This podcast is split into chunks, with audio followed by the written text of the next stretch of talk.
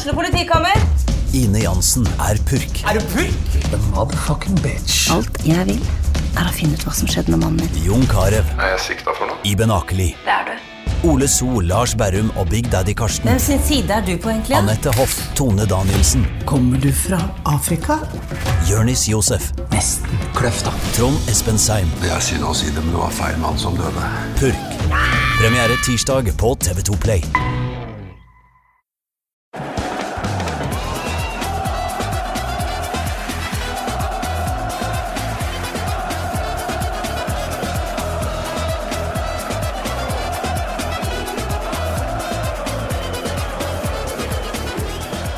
Hei, og som de sier i Sveits, hopp! Pyro og Pivo er tilbake, og denne uka skal vi se på et land som er knøttlite, men som likevel får til ting, til tross for minst tre språk og direkte demokrati. Åh, som de får til ting.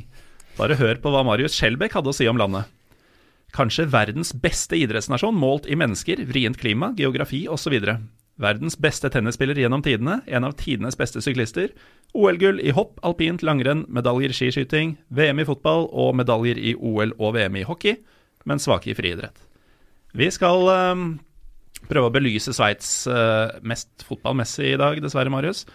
Uh, på vårt beste, og våre mest sveitserkyndige er, som vi vet om i hvert fall, Erlend Aasen Kloppestad og en nykommer, Mats Birkeland.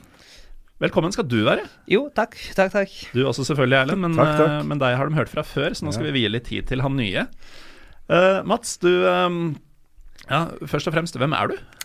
Nei, jeg kommer fra Bergen, Uh, og har vel i, ja, bodd her i Oslo nå et par år, så Ja, uh, apropos det, jeg vet veldig lite om deg, så jeg gikk inn på Facebook-sida di i dag og så at du var fra Bergen. Jeg så også at du liker Vålerenga fotball elite på Facebook. Eh, og jeg føler at du må forklare deg litt. For det, dette går ikke, vel? Jeg har litt vanskelig for å forklare den at jeg liker Vålerenga elite. Det gir, jeg, får ikke, jeg får ikke det helt til å gå opp. Altså, jeg liker hockeylaget, men det, Ja, kanskje det var Vålerenga hockey elite. Jeg så, Det jeg så, jeg så Vålerenga, og så svartna det. Eh, og så leste jeg elite igjen da jeg hadde kommet til hektene. Men Det det er- er, mulig det var hockey, faktisk. Likevel. Ja, men det var jo iskrigerne der, og Ja, jo Nei, jeg vet ikke. Men eh, ja, du er eh, en litt forvirra bergenser. eh, og det forklarer kanskje hvorfor du er så glad i Sveits, men har du noen andre grunner enn forvirring til å, til å like Sveits så godt, av alle ting? Nei, altså, det startet vel egentlig med en kamp i Istanbul for Ja, det Nå var kanskje kanskje Er det 12-13 år siden? VM-kvaliken til VM 2006. Høsten der med Benny Hugel og Alpai som øh, ja, Jeg vet ikke hvor gode venner de er i dag, øh, ut ifra hva jeg har hørt, men øh, Alpai hadde jeg nesten glemt. Det var en eh, magisk kruttønne av en spiller. Ja, og det er jo fantastisk fotballkamp. Da, men da fikk jeg liksom følelsen at Sveits, det var noen Men var du på den kampen? Nei, men jeg så han på TV. Ja. Øh, Da, da lyste det Sveits i, hjertet. Ja, og så hadde man jo uh, Basel friskt i minne fra tidligere europacupkamper uh, i Champions League eh, og sånt. Så Mm. Um, du uh, følger jo tydeligvis det sveitsiske landslaget eh, ganske tett. Og uh, i forbindelse med det så, viste, så ga du uttrykk for å ville si noen ord om doppeladlersaken fra i sommer. Ja, jeg har jo fått noe spørsmål om eh, skandalen. Ja, Hva var doppeladler-saken igjen? Det er jo en eh, Det starter vel kanskje i Kaliningrad eh, en 22. juni-kveld der. Eh, Jeg var jo i Kaliningrad der, og jeg har vel aldri sett så få sveitsere gå ut med Shakiri og Shaka-trøyer. Og jeg har ikke hørt så mye Altså, man kan gjerne si at uh, sveitserne sa jo Eller Serbia mente etterpå at de spilte mot Kosovo, men eh, de gikk jo rundt og sang mer om Kosovo og Russland enn sitt eget land i gatene. og... eh, Ja, for doppeladler er jo da tysk for uh, dobbel ørn. Dobbel ørn. Eh, og det var jo uh, to fingre som ble vist over uh, brystet der med fi fingertuppen i bevegelse, og da får du jo da en Mm. ørn som eh, Det var vel en tre-fire stykk. Shakiri, Shaka og eh, Stefan Lichsteiner som eh, fant ut at dette Lichsteiner. Ja, men det var et sånt Han bare hiver seg på et eh, good party. Stefan Lichtner som ja, var jo litt sånn i fokus der eh, for i 2015, og jeg mente at det var for få sveitsere på landslaget. Og nå er han ikke sveitsisk sjøl lenger engang. Stiller opp på uh, rekke nede i hjørnet foran uh, fansen der og Overkompenserer. Ja, men han har jo hørt historiene til Mm. disse folka, og da har han litt mer forståelse, men i Sveits så er det jo Folk var langt ifra imponert og lurte på hvem de også representerte, og ikke minst at dette har ingenting med fotball å gjøre. Mm. Så i Sveits så, var- så ble, ble det lunkent mottatt av de som Det var ikke er veldig av- lunket mottatt, Mm. og hadde det ikke vært for at det var Shakiri, Lichtsteiner og Sjaka Altså Sjaka som ble faktisk kåret nå til den mest innflytelsesrike personen i sveitsisk idrett. Og det sier jo kanskje litt, tenker jeg. Granit Xhaka? Granit Xhaka. Altså, det, det var omtrent han som bestemte om Vladi Petkovic skulle fortsette som landslagstrener Mm. eller ikke. Det er såpass, ja. Men du var altså og så Sveits i VM? Det er såpass? Jeg var i Kaliningrad der med noen venner, og det var jo hver gang Sjaka og Shakiri fikk ballen. Altså, det, det har gått mye øl på den stadion der. Mm. Mer enn vanlig, ikke minst pga. det var serbere òg, men eh, det, når Shakiri skulle ned i hjørnet der hvor vi satt og tok corner, så er ja, I og med at jeg ikke hadde hotellrom den siste natten, så er jeg fryktelig glad jeg slapp å dusje og satt på bakerste rad og motta disse øldusjene. Det var Ja, ikke sett på maken. og Det var lightere og kronestykker og Eh, så det sveitsiske landslaget er tydeligvis eh, en eh, lidenskap du har. Du sitter jo også her i ja, Apropos Vålinga i, no, i noe blått og rødt, men med en Novartis-logo på, på brystet. og Da tror jeg de fleste vet hvor vi skal. Er det Basel som er ditt lag i uh, Sveits? Definitivt. Definitivt. Det finnes jo ikke noe bedre sted på fotballjorden enn Joggeli stadion. Gjør det ikke det? Nei, det er Det, det må vi nesten komme tilbake til eh, litt seinere, for vi har jo en bråte med ting vi gjerne vil snakke om. Eh, Mye pga. en mail du har forfatta, Erlend. Ja. Du eh, liker å sette deg inn i ting, du. Jeg liker jo egentlig det veldig godt. Og i tillegg, jeg, med en gang jeg får sånn forespørsel om uh, Kunne du tenke deg å være med i uh, podkast, så uh, sier jeg jo til meg sjøl at uh, jeg må svare ja. For det, jeg bare Jeg må liksom utfordre meg litt, og sånn. Og så svarer jeg ja, og så går det en sånn 15-20 minutter, og så friker jeg helt ut. Og så må jeg finne ut av hva vi egentlig skal snakke om her. Ja. Så, og derav gjerne litt lengre mailer, litt ustrukturert, sånn at jeg eh, Jeg syns ikke det var veldig ustrukturert, men uh, vi kan jo gå, gå litt uh, inn uh, i det straks. Men først um, Nå har vi jo ikke vi sett hverandre siden vi lagde juleluke. Ja. Ikke så veldig lenge før dagen, egentlig. Hvordan ble pinnekjøttet?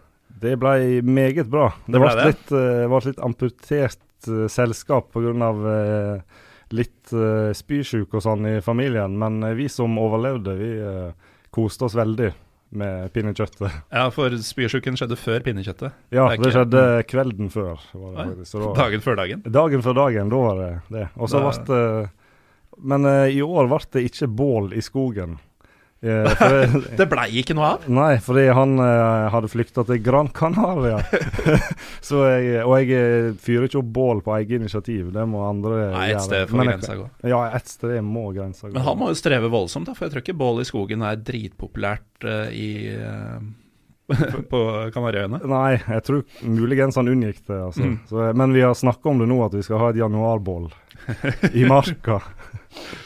Fra januarball til sveitserball. ehm, du mener at eh, selv ikke klubbenes engelske Wikipedia sier, nå er vi i Sveits, eh, har oppdatert uh, opp- og nedrykk? Ja, er, det- er, det var- det såpass uh... Ja, nå har de vel eh, Nå har de nok gjort det. Men uh, når jeg skulle sjekke For vi, vi, vi snakka jo om uh, den her eh, potensielle podkastepisoden for en del måneder siden. ja, det er sant. og da var det i eh, ja, september-oktober. Da hadde ikke Wikipedia-artikkelen fått med seg, eh, på, iallfall på enkelte av lagene, hadde ikke fått med seg at det hadde rykt opp. Det var veldig spesielt, for så liten er ikke den sveitsiske ligaen. Den er, den er jo Ja, den er jo en viss størrelse på. Mm. Um, men uh, det første punktet vi har uh, lista opp, er faktisk uh, av forholdsvis ny karakter. Uh, Sarpsborg uh, St. Gallen. Ja. Eh, vi uh, snakka jo litt om eh, hvordan disse kampene for de norske lagene kunne bli eh, i, på forsommeren. etter at trekninga var klar. Og vi eh, spådde vel ikke akkurat at dersom det ble Serp mot uh, St. Gallen, at det ville bli grei skuring for det norske laget. Nei. Uh, og det var heller ikke noe bra tegn for min påstand om at sveitsisk liga kan måle seg med et par andre. Serp vant jo, og Ja. gikk etter hvert videre. Hvor ille var det for sveitsisk fotball, Mats? Det- Jeg vil si at det var ikke så ille. Altså, det var på langt vei noen skandale. Altså, øh, man må huske på at i Sveits du kan dele lagene opp i tre divisjoner, kanskje. Du har Basel og IB, som er de soleklart økonomiske dopinglagene, hvis man kan si det sånn. Mm. Eh, Og så har du FCZ, Sion, uh, GC, og så til slutt har du da Thun, Luzern og uh, St. Gallen og Neuchâtel nå, da, som Mm. er i sine divisjoner økonomisk. Og i den perioden der så var jo St. Gallen også altså, Det var helt i starten av sesongen. St. Gallen hadde jo for øvrig slått FCB 2-1, tror jeg. Vi, men likevel, altså St. Gallen er jo igjen da, ikke en av de rikeste klubbene. Og helt i starten av sesongen der, og eh, det var ny trener, nye spillere, det var ny president. Mm. Eh, styret var uenige om hva målene deres egentlig var. Ikke minst så fikk de jo Vilotic utvist etter 3,5 minutter i eh, St. Gallen. Likevel klarer de å komme tilbake og vinne 2-1, og det er jo sterkt i seg selv. Mm.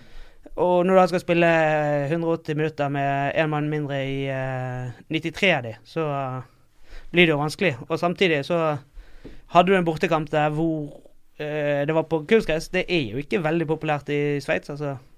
Nei, det burde ikke være populært noe sted sør for polarsirkelen. Nei, sant, og det hjelper Altså, summa summarum så hadde du jo da et Sarpsborg som hadde sine fordeler i kampen, eh, eller i runden der, mot et St. Gallen som hadde sine problemer, og det ble ikke tatt ille opp i verken SRF eller Blikket eller noen av de store mediehusene at Sarpsborg, vant. Det var sånn OK, det, Det var bare noe som skjedde. der ga det et forsøk, og Du tok turen til Østfold du, Erlend. Mm, det gjorde jeg. Åssen var det?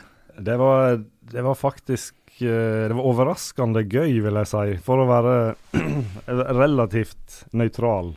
Med, ganske nøytralt til Sarpsborg og St. Gallen. Uh, men det var egentlig det var veldig gøy å rett og slett For dere har jo snakka i en del episoder før om det med om det er en fotballby eller ikke. Ja. Og eh, akkurat den kvelden så følte Sarpsborg som en fotballby. Vi, eh, vi kom til Sarpsborg et par, par timer før kamp, var det vel. Og da kunne du, da, når du gikk i sentrum, så følte du at her er, her er et eller annet i ferd med å skje snart. Mm. Og så du, var jo St. Gallen-fansen sånn relativt, iallfall mannsterke. For det er en bra gjeng.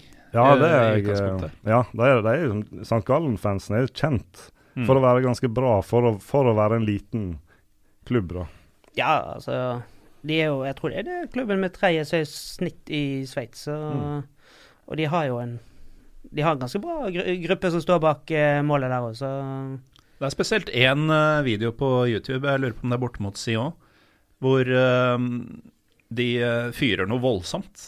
Og så sier spiker krystallklart på noe sånn sveitser-tysk at Sion er vel fransk, men Ja, men jeg tror det var beskjed til dem, eller hvordan dette Ja. funka. Det er mulig det ikke var i Sion.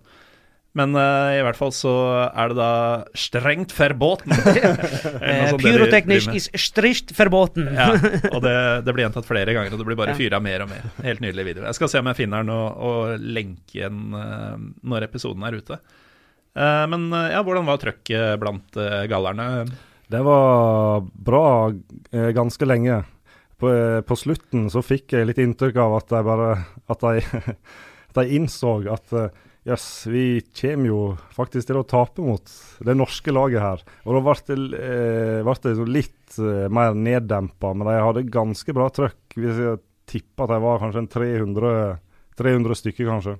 Mm. Og det blir egentlig blir bra trøkk av det. Og så var det veldig, veldig gøy å se at gikk, hele gjengen gikk samla til stadion. Og du får jo litt sånn ekstra Jeg, jeg får egentlig litt sånn ekstra respekt når du bare ser at oi, der er bare en sånn grønn ting som flytter seg mot stadion, og det er grønn røyk, og det Ja. Ja, det er en av fotballens uh, mer nydelige uh, aspekter. Mm. Um, men uh, Var denne kampen representativ for nivået på sveitsisk liga? For St. Gallen, ja. Altså, men man, Sveitsisk liga er bra, men man må huske på at det er at de spillerne drar tidlig fra landet. Eh, altså, selv om han har hatt landslag i topp, topp klasse, så tar du vekk IB og FCB, så er det vel eh, Det begynner vel å tynnes litt ut med, i forhold til disse andre ligaene som har har snakket om i Tyrkia og Hellas og sånt. Men Mm. jeg vil jo si at de er i hvert fall på høyde der. Men Eller nå er jo FCZ i ferd med å komme òg, under Ludovic, men eh, Ja, de storkoser seg i eh, det mest prominente av alle selskaper eh, denne høsten, de. Ja, og med den litt eksentriske klubbpresidentinnen, så Mm. er de vel eh, godt fornøyd med å trekke Napoli. Ja, tenkte jeg. Napoli kom på besøk til Zürich. Og det er en kamp Jeg hadde jo et litt ublidt møte med FCZ-fans på min ene tur til Sveits. Hvor de rett og slett storma puben til Grasshopper-fansen etter at jeg hadde vært på Grasshopper Thon. Hadde ingenting med saken å gjøre. Det var da Zürich var i uh, nest øverste divisjon. Og de møttes jo ikke, så da måtte de møtes på andre vis. Uh, så disse gutta kom jo til å ta, ta turen til Napoli med glede. Ja, Det- det de- de var leie. Eh, Napoli-fansen er vel kanskje ikke akkurat de du har lyst til å møte heller. Altså, eller- Nei, men de virka ikke helt fornuftige, de gutta til FC Zürich. Nei, når de rykket ned, så stormet de jo eh, garderoben omtrent på lett sekund. Altså, det måtte jo uh, stormpoliti til for å hindre at de ikke kom inn i garderoben og skulle Mm. ta, ta spillerne til FCZ. Så Nei, de, de var tydeligvis forberedt. Denne puben lå rett over gata for, eh, for det hjørnet hvor Grasshopper-supporterne sto. Uh, så det var virkelig rett ved siden av stadion, og de hadde tydeligvis uh, rutinene inne da, for at eh, sånne ting kunne skje. Eh, det var nok ikke første gang, så det var liksom så fort eh, noen av disse Grasshopper-gutta som vi kjente igjen fra tribunen, altså han ene fyren med bøttehatt og han andre som hadde stått med tromma, liksom ganske sånn klare typer, da.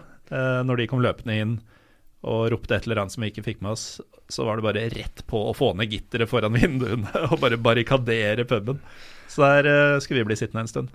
Og det er jo ofte, eh, egentlig hvis du søker på nett òg etter eh, ja, fight og Swiss football, så er det FC Zürich som ofte dukker opp. Mm. egentlig. Gjerne da eh, Og jeg føler ofte at det er, de, det er ofte de som begynner. Om det så er mot eh, Basel eller om det er mot Grasshopper, så er det sånn Ja, FC Zürich er ofte involvert i sånne uh, hooliganoppgjør. sånn. Ja, de skyr ikke en fight, de. Altså, det, hvis man, altså, mange av de bildene er sånn Når Sveitser protesterer mot, lavere, mot høyere lønn og sånn, så er det jo ofte de som står der i sine Ralf Lauren-skjorter og skal Du syns ikke veldig synd på sånne folk. Nei, de lider ingen nød. Du, du bor i eh, fort Europas dyreste by og kjøper Ralf Lauren-klær. og skal da- ha høyere lønn. Det. Det går greit, det gjør det. Men uh, apropos det, vi har jo fått noen, uh, noen spørsmål inn, og et av dem Nå er ikke det helt foran meg nå, men det var i hvert fall en som uh, klagde på at det var dyrt. Eh, og det er det jo. Um, det er vel ikke sånn det gunstigste reisemålet å stadig returnere til for din del, eh, Mats? Jeg altså, skulle jo gjerne sagt at jeg holdt med et lag i Polen eller noe sånt, som hadde hatt eh, betydelig bedre, mer gunstige priser. Men eh, Her var det Kenneth Sørensen, apropos uh, Sarpsborg. Det er en fyr som hører på alt vi legger ut, har jeg lagt merke til. Uh, han ehm, sier da at broren hans og en som heter Magnus Schaft, eller muligens Skaft, eh, var der i fjor og klagde på at det var dyrt. Etterfulgt av 'Hvor bør man dra og se fotball i landet?' ja, altså Det høres jo ut som det er Zürich eller Basel eller Bern, eh, for fotballens del i hvert fall. Ja. eh, det er jo der altså det er der de store lagene er, og det er best fotball. altså. Men hvis du skal ha litt mer pris, så er det kanskje St. Galen eh, Lugano, eh, som ligger på grensen til Italia, Mm. er jo også relativt greit sånn sett. Men i Lugano så ja, da får ikke du opplevelse. Det, Nei, det er eh, mer en hockeyby, eh, vel? Ja, hockeyby, litt badeby og veldig eh, rikmannsby. Det- Som veldig mange andre byer mm. på den siden av Sveits. Så det vil være dyrt uh, uansett hvor du drar i Sveits, egentlig. Og Du går ikke Hvis du har en litt Altså, det er ikke der det er billigst, nei. Det skal ikke Nei. Men eh, Basel er jo Du kan bo i både Frankrike og Tyskland der. Ja, eh, det var en som svarte at eh, Basel eller St. Gallen er bra steder å dra og se fotball, for da kan du bo i Tyskland eller Frankrike. Ja, sant, og så kunne du jo reise til Genéve, men det er jo ikke det samme, altså. Jeg gikk på en tilfeldig pub i Zürich og skulle kjøpe to øl. Og Det kom på godt over 20 frank, som da i hvert fall med den kursen var noe over 200 kroner. Og det var sånn Vi, vi har jo sett det sjøl her i byen, men da bestiller du gjerne noe sånn håndkraft, uh, handcraft-opplegg. Eh, dette var da to køllfrisch, eller hva det nå heter. det, det var ganske dritt, egentlig. Men eh, nok om det. Um, eh, vi det er mye forkortelser, forresten, eh, Mats. De er glad i det der. Altså, det ikke- man sier ikke Basel og Bern, nei, Young Boys og FC Zürich og Grasshopper, men Ja, altså, du sier, du sier ikke Grasshopper. nei. Du sier GC eller eh, FCZ. Mm.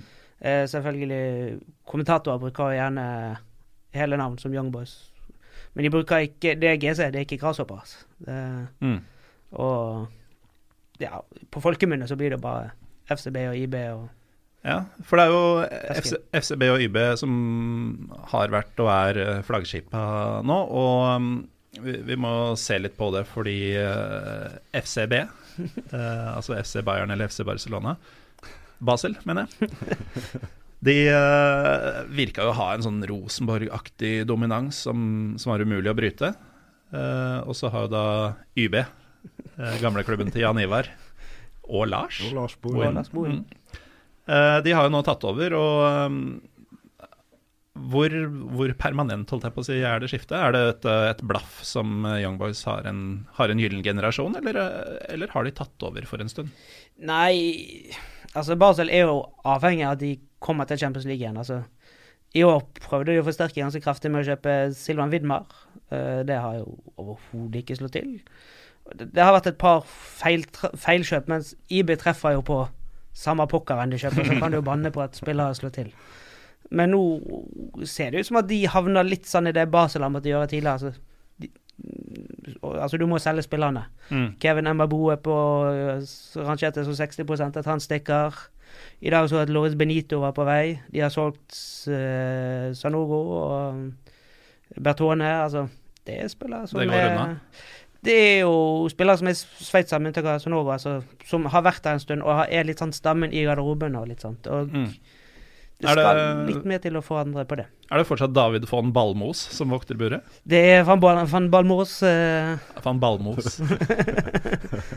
Så Ja, så lenge han blir, så er jo det meste på stell, tenker jeg, med, med det navnet. Um, men eh, Erlend, du har jo fulgt med ligaen i en del år. Eh, tenker du at Basel har mista hegemoniet, eller er det Young Boys som har kommet opp? Altså, har Basel gjort noe gærent? Uh, ja, det er jo det som uh, Akkurat det som han sier, med at de har bomma fullstendig på De har jo brukt en del penger.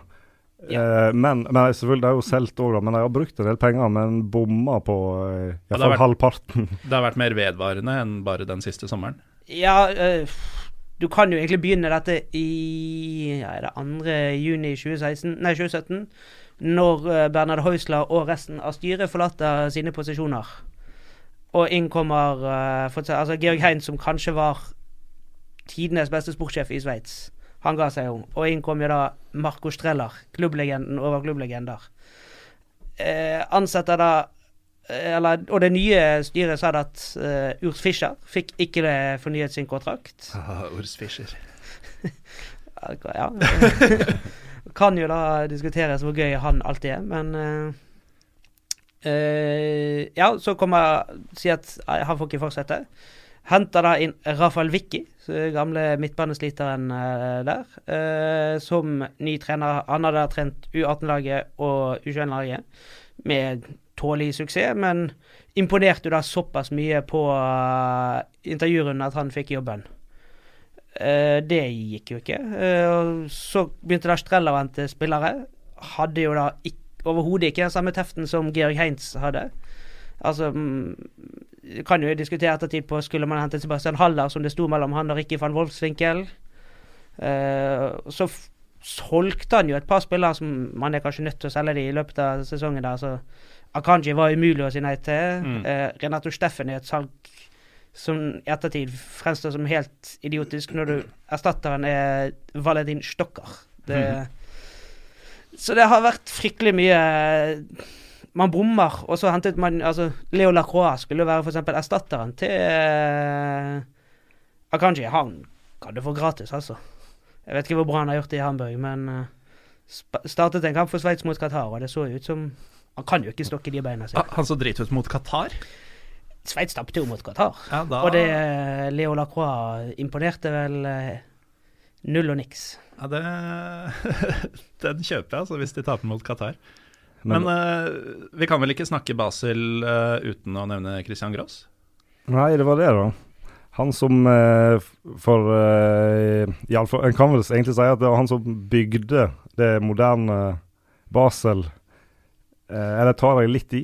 Eller eh, Det er Det- flere navn man må nevne. Du har Ja, jo ja. Gigi Øri, som også var med, og, og Novartis, som var med å bygge opp. Mm. Men det var jo han som var hjernen. For det, han var jo han, eh, Nå skal vi se om jeg husker det riktig, for han begynte vel i eh, Vill. Og så eh, klarte han å få den klubben opp fra sånn fjerde-femte nivå til iallfall andre nivå. Og så stakk han til, til GC. Og der tok han ligagull. Eh, og så stakk han til Basel og begynte å Men ja, som du sier, i samarbeid med andre, og ikke minst i samarbeid med penger. Ja. Bygde opp Kristian Christian Gaas hadde vært et heller mislykket opphold eh, etter en T-banetur i Tottenham òg. Ja. Før han kom til Basel. Ja, ja, det er sant, ja. Det var jo, det var jo før det her. Der han, eh, jeg er jo Tottenham-supporter. Jeg jeg husker at Christian Gloss var innom. Ja. Altså, Det er vel stort sett det man eventuelt husker av Christian Gross i Tottenham. Ja, det er det. eh, ja, det, var, det var et navn som man har hørt, ja, ja. og, og det er det, på en måte. ja. Men i Basel så er han, er den stor. Det er han stor. Mm. Det er ikke til å stikke under stol at Basel har fryktelig mye å takke han for. Men uh, hvor mye er denne Er det Øri han heter? Han uh, Gigi, det er hun. Gisela Øri. Hun, ja. Ja. Oi, nå tok det en interessant vending her. Hun var jo styreformann. Altså, hun er jo egentlig fra Tyskland, rett over grensen. Uh, men hun er jo da gift med Andreas Øri, som er Han er i hvert fall Jeg vet ikke hvor doktor Andreas Øri er, som er Han er i hvert fall en stor del av denne La Roche-familien, som eh, farmasiselskapet der.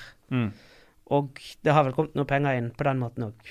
Det er også Hun har jo driver et uh, Poppenhaus, eller stort hjerte for Poppenhaus-museet i Basel. Hva er et uh, poppenhaus? Teddybjørnmuseet. Der er hun er jo Det er hun veldig glad i. Ja, det Hvem er vel ikke det? Eh, Men eh, hva er det Altså, de har, de har bomma på mye, men um, det er fortsatt penger eh, på et annet nivå enn de andre Altså, de har fortsatt mye penger, de bare forvalter det ikke riktig lenger.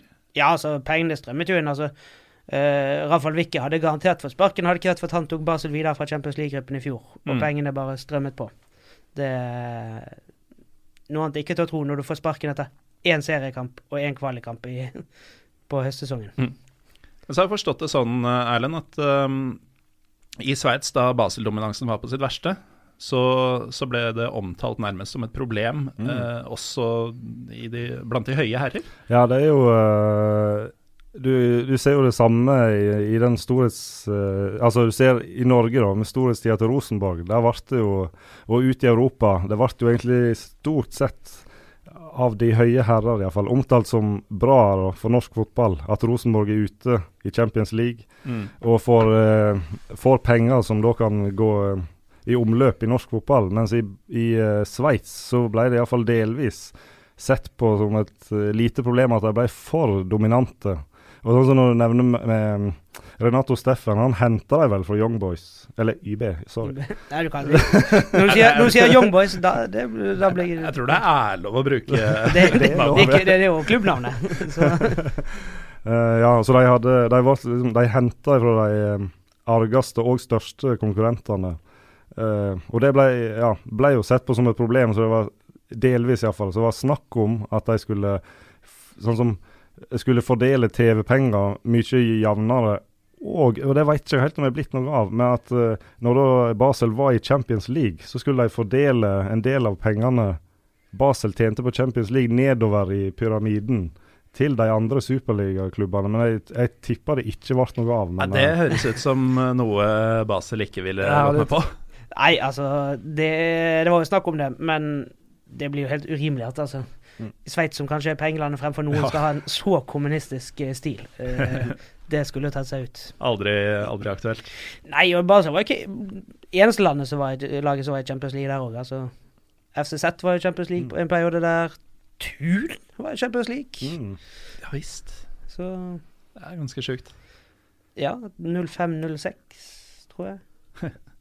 De slo vel ut Malmö i siste Og de måtte sp Og eh, det var vel den sesongen hjemmebanen til Thun De fikk jo ikke lov til å spille der, og det, men det ble vel også flom på hjemmebanen til Thun. Ja. uh, de hadde løpebane og det som verre var, så de måtte spille på uh, Stade Suisse. Uh, sånn går det når man prøver å spise kirsebær med de store.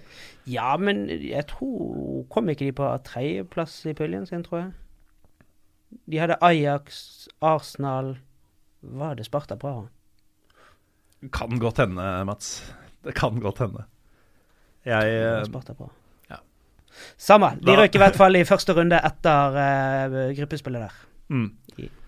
Ehm, Skal vi se Jo, vi, eh, da har vi vel for så vidt dekka mye av eh, Basels uh, i anførselstegn fall. Um, enn så lenge. De kommer nok fort tilbake, tenker jeg. Men uh, vi må snakke litt om Young Boys også. Altså, du nevnte tidligere, Mats, at de sammen med Basel er de to store finansielt sett. Ehm, og de, du sier at de har treffet på mye overganger, og nå begynner de å selge. Det betyr jo mer penger inn. De har vært i Champions League, det betyr mer penger inn.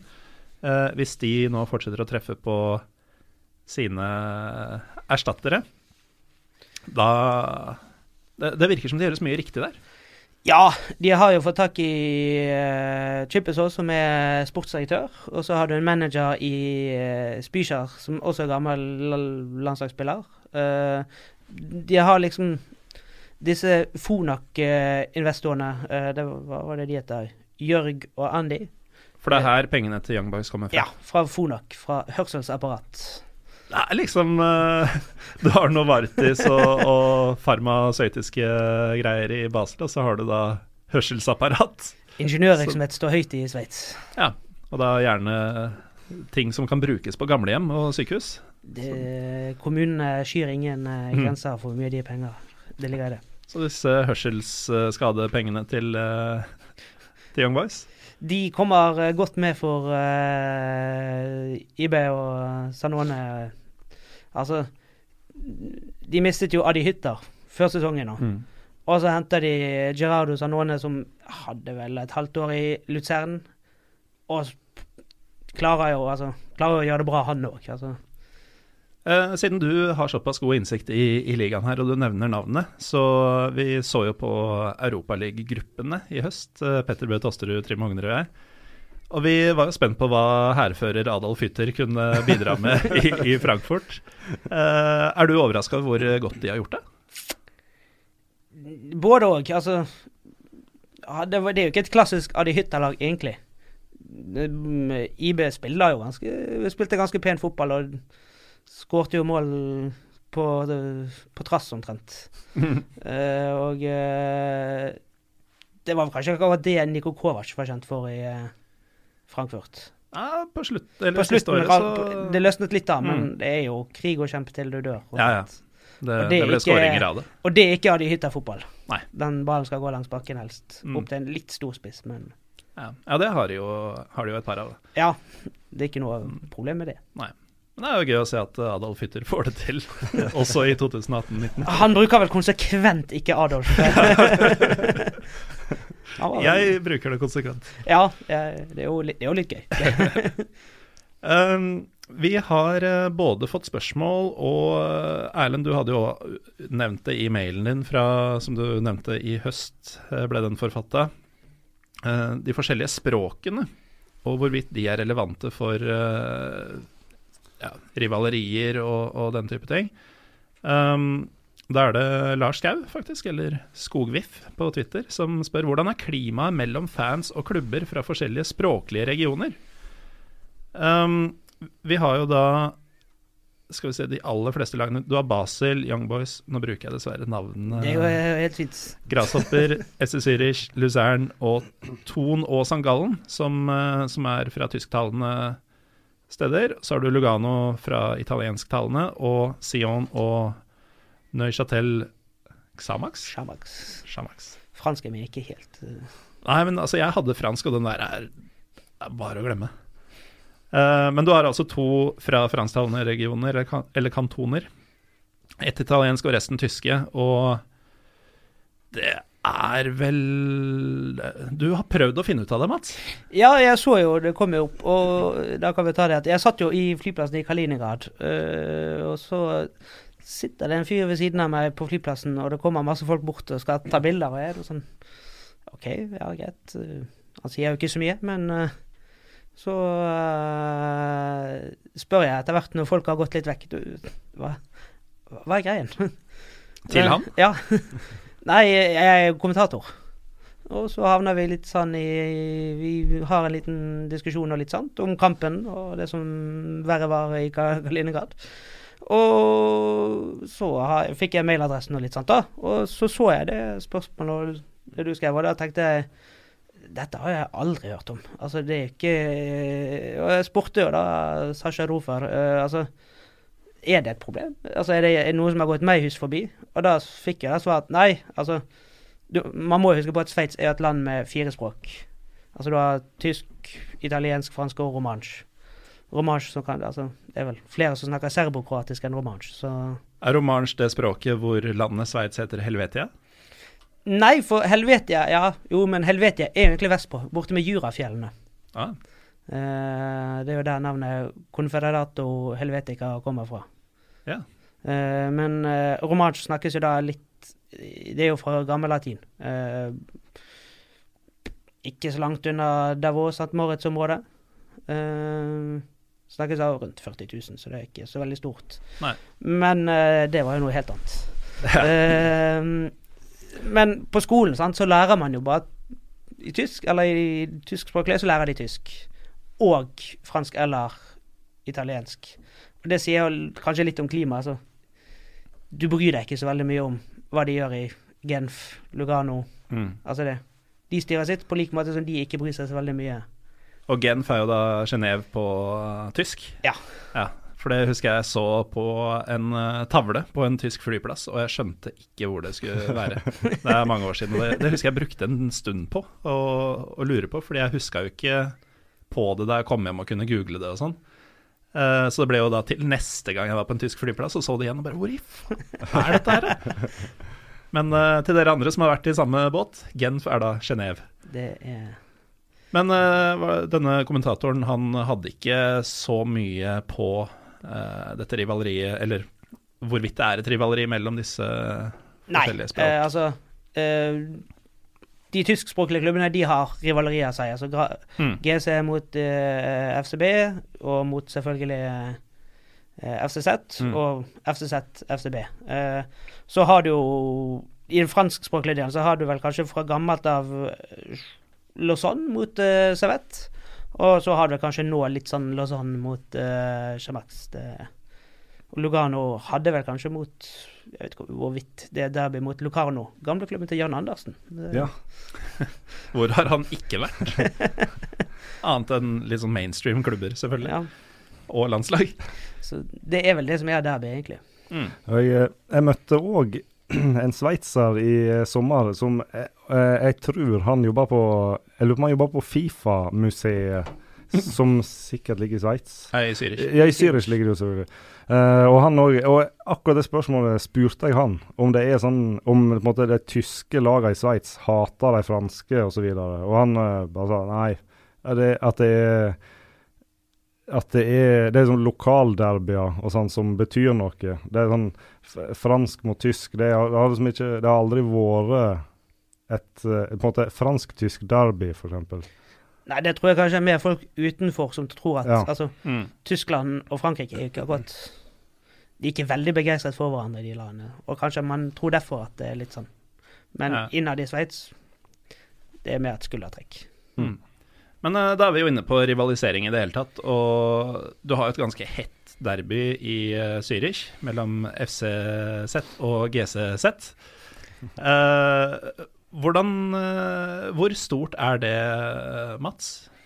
Eh, Det, er et, altså, det blir ikke fullt på Letzegrunn. Tror Men er ikke det litt fordi Letzegrunn er grusom? Ja. Den, at det er arrangert EM der i eh, 08, det Har, har de bestemt seg for å bygge ny stadion nå, forresten? I Syrien? ja, ja, det vet jeg at jeg tror, Er det 2022? Jeg tror de skal sette i gang. Uh, vent, det er vel firmaet For de stemte jo i 2013 eller 2014. Da var det folkeavstemning. Da ble det jo nei. Direkte demokrati, vet du. Ja. Skal vi bygge Eh, stadion, folk?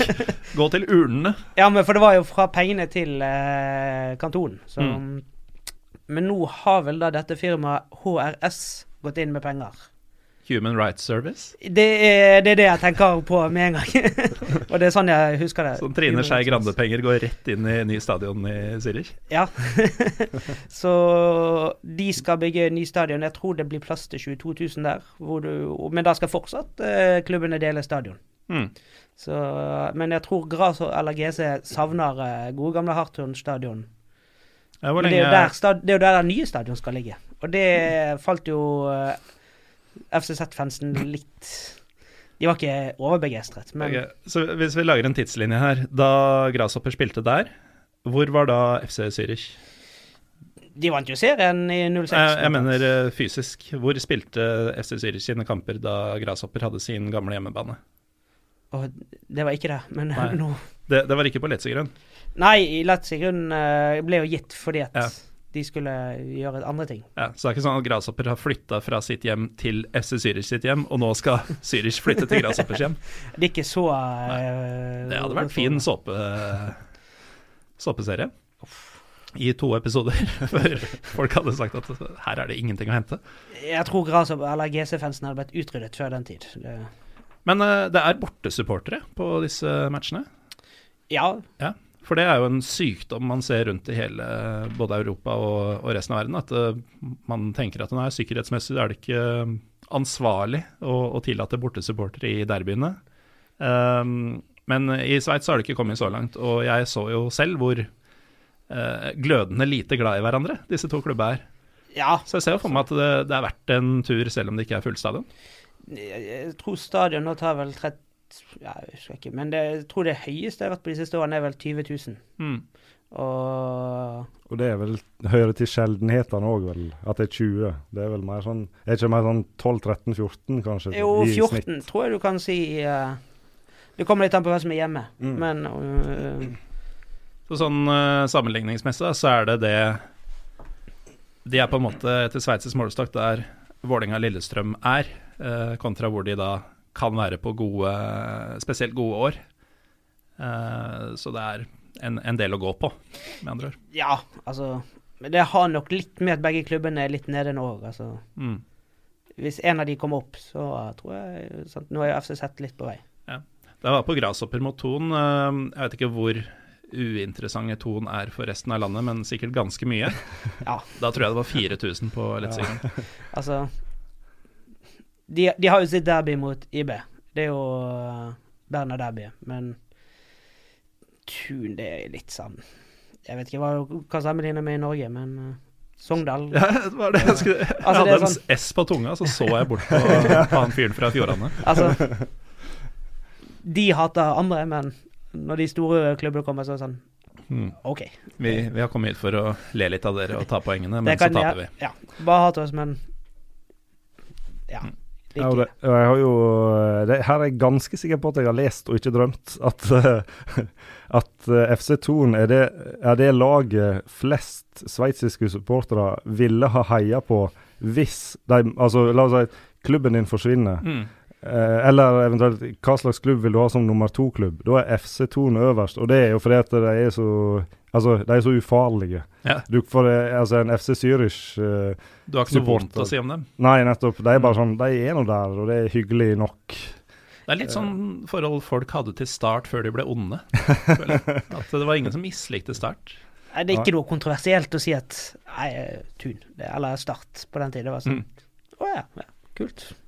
Eh, men eh, ellers, da. Du, du nevner at eh, det er et Berner-derby mellom YB og Tun. Det er vel ikke kjempestort, sikkert? Det er ikke kjempestort, eh, men det er nå et, et av derbyene man har i Sveits, Mm. Og, for, og forrige gang de møttes, så uh, mener jeg at det var, det var sånn sju- altså 27 000-28 000 på YB, Ja vel, ja. YB sin stadion. Men eh, det er jo òg fordi YB gjør det veldig bra, da. Mm. Men, eh, et, men jeg mener, mener Torn sånn nesten kan fylle stadion sin når de møter YB hjemme. Mens, eh, men ja, det var, jeg mener det var 28 000 sist de møttes. Og da er det jo Og det er jo, det er jo stort sett heimesupportere, da. For et lag som gjør det veldig bra. Så det, jo, var jo sikkert greit uh, trøkk. Men uh, Og gult og svart. Og gult, og altså. Ja, og det er jo bare Jeg tror det er 18 minutter med tog mellom byene, så Mm. det burde jo kunne kanskje, Det burde kanskje vært mer, men hadde ikke IB gjort det så bra, så hadde det ikke vært så mye. Det, Nei. Men uh, 27 000, hvorav de aller fleste er hjemmefans uh, i et derby de sannsynligvis vinner. Uh, og det er da laget som heter Young Boys på stadionet Wankdorf. og du har David von Balmos i morgen. Det er jo Er det én kamp jeg skal på i år, så er det Er det Berner Derby, merker jeg. Her er det, her er det mye å prate om. ja, det Men eh, hvordan er eh, Altså, i Tyrkia så er det vanlig å bruke ordet derby om eh, kamper mellom storlag, uavhengig av geografi. Trabzon, som er nesten helt i, ute i Georgia, regnes jo som et derby hver gang de møter et av de store Istanbul-laga. Um, det er kanskje mer sånn i, i Sveits også, at det er jo Basel mot eh, Young Boys og eventuelt, jeg vet ikke, Grasshoppers mot Basel. Ja, det er definitivt derby, altså. Altså, sto, de store lagene fra forskjellige byer, er de, eh, når de møtes, er fortsatt de største kampene? Ja, og, men det er jo uansett når Basel skal på kamp, de er jo de som trekker flest bortesupportere med seg òg. Soleklart flest. Altså den gjengen Uansett hvor de skal, så er det bra eh, befolket på eh, bortefeltet. Mm. Eh, det var jo Jeg tror jeg har sett en av filmene når de uh, besøker Ludogorets, så da er det også ganske bra oppmøte i forhold til en onsdag eh, i eh, Jeg vet ikke, byen heter vel kanskje Rasgrad? Men, Den heter Rasgrad. Ja. Ludogorets fra Rasgrad. Så eh, de stiller opp, de, uansett hvem og hvor. Så Mm. følger de som regel opp sitt Ja, ja, for å gidde å dra dit, det har jeg hørt at uh, da, da skal du være spesielt interessert. Ja, altså Nå kan ikke jeg så veldig mye om bulgarsk geografi, så jeg er litt usikker på hvor de ligger, men ser Ja. meg litt inn i det landet. Det kan du for så vidt si, men nå slo det meg at du har vært i Moldova, du. Jeg har vært i Moldova, i Kishinau Hvorfor jeg, jeg husker ikke disse andre byene. eh, Tiraspol. Tiraspol Selvfølgelig, jeg har jo vært i uh, Transylvania. Selvfølgelig. Nei, Transnistria. Transnistria. Mm. Transylvania har jeg også vært i, men det er jo Romania. Men uh, Og så Blir en liten avstikker her nå, Erlend, men Det uh, det, det, det er ikke perfekt. hver dag jeg får møte andre som har vært i Moldova. Old Urhei, tror jeg. Er ikke det det et, er det et, sånt, et av de få turiststedene utenfor Chisinau og Moldova, tror jeg. Det er noen sånne steinformasjoner. Hvordan, hvordan opplevde du Moldova i, i korte trekk? I, prøvde å gå på do på McDonald's, for der var det ikke hull i bakken. Der var det vanlig klosett. Og prøvde å spise på McDonald's, for der visste du hva du fikk. Mm. Eh, ikke disse utvannede kyllingsuppene. Det er litt, uh, litt sånn klassisk felle å gå i. At man tenker ja, nå, nå er det litt sånn usikkert på de andre menyene, så jeg safer med Mækkern. Ja, Ja, der du blir dårlig. jeg blir ikke dårlig. Altså, jeg synes Etter hvert så Det blir den hele familien til Erlend var før eh, dagen før dagen. Etter hvert så blir den kyllingsuppen ganske god, da. Men uh, Ja. Fryktelig kaldt om nettene, husker jeg. Du bodde ute i sånn hangar eh. Jeg eh, merker at dette må vi ta etterpå, fordi hvorfor bo i en hangar? I Moldova. Ja, Uh, ja nok om det. Um, eller det blir aldri nok om det, men for lytternes del så, så skal vi prøve å streife innom Sveits igjen. Um, du, du kikka litt på det i forkant, Erlend, og jeg ser du nevner både eh, St. Gallen og Luzern som litt sånn outsidere, outsidere til rivaliserende klubber. Kanskje ikke til hverandre, men eh, at Luzern i hvert fall tidligere har eh, hatt en del hatoppgjør. Ja, det er vel eh, Men det er jo det med egentlig i Sveits med at uh, Har jeg inntrykk av at når klubbene er inne i en god periode, så bygger det seg opp rivalisering mell mellom, de, mellom de og de andre gode lagene. Ja. Og så når da Luzern, sånn som nå, Luzern er bare sånn uh, helt middels, så dabber det av igjen. Men med Mm. en gang de da plutselig Luzern ligger på en eh, tredjeplass og kan uh, lukte på andre, så er plutselig kamp mot Basel et uh, et derby, Ja. eller ikke om ikke derby, men, derby, men at det blir rivalisering. da. Så det er, det er en del av de klubbene, de mindre klubbene som har, har sånn periode, perioderivalisering. Og det er vel òg sånn med, med Basel mot Zürich-klubbene at, uh, at i en sånn 10-20-årsperiode så er det FC, FC Zürich som er den største rivalen. Men så bikker det over til Gras, eh, GC, fordi de eh, Fordi de var jo gode på 90-tallet. Mm. Og så Nå er jo Zürich uh, FCZ uh, best igjen. Men er det stort sett sportslige ting som, som skaper uh, rivaleriene i Sveits, eh, Mats? Det, det er ikke liksom sånn at eh, for 100 år siden så barka disse to sammen i politikken, og derfor så har klubbene et hat til hverandre i dag? Sånn sett må vi kanskje tilbake til uh, når Basel ble stiftet. Det er vel nå 126 år siden 2019, ja. Eh, når um, Gampa eh, stiftet eh, Basel. Eh, en liten kuriositet er jo det at han i 93 så var han i Basel. 99 i Barcelona. Da ble FC Barcelona stiftet. Logoen er jo påfallende like. Ja, Det er lov å si. Så um, han var jo en liten sånn opprørsmann mot hovedstadsfolket, da. Og eh, det var derfor han gikk til Barcelona, ikke Madrid, eksempel. Mm. Uh, men den vanlige Zürich-innbyggeren er jo litt arrogant, kanskje, uh, mot å synes at alle andre i Sveits snakker litt rart, og ikke som alle andre. Og de er litt sånn Så det stikker litt sånn dypere enn det òg. Mm. I hvert fall fra de andre så er Zürich-erne på en måte pariserne da, for eh, franskmenn. Ja, altså du er ikke Det er ikke de du ser opp til. Mm. Du ser på de som arrogante og hovmod og Så det er litt sånn eh, stereotypier kombinert med sportslig nivå som, som gjør rivaleriene. Ja, altså Sånn som gjennomsnittlige Basel-venner, så er vel kanskje FCZ den verste. Mm. Og det tror jeg kommer til å være også etter siste serierunde 2006. Så stikker fryktelig dypt. Hva skjedde der, eh, Erlend? Der ble seriegullet avgjort. Og det ble eh, mildt sagt hongemeng ute på banen. Og eh, Ja, jeg husker eh, Zürich eh, oh, hva- han der eh, rumeneren eh, Julian Filipescu. Ja, det var deilig å høre deg si navnet. Mm. Han eh, gikk blant til angrep på Basel-supportere, og det var liksom Det tok jo helt uh, løst. Eh, og det var jo Syris som vant ligagullet.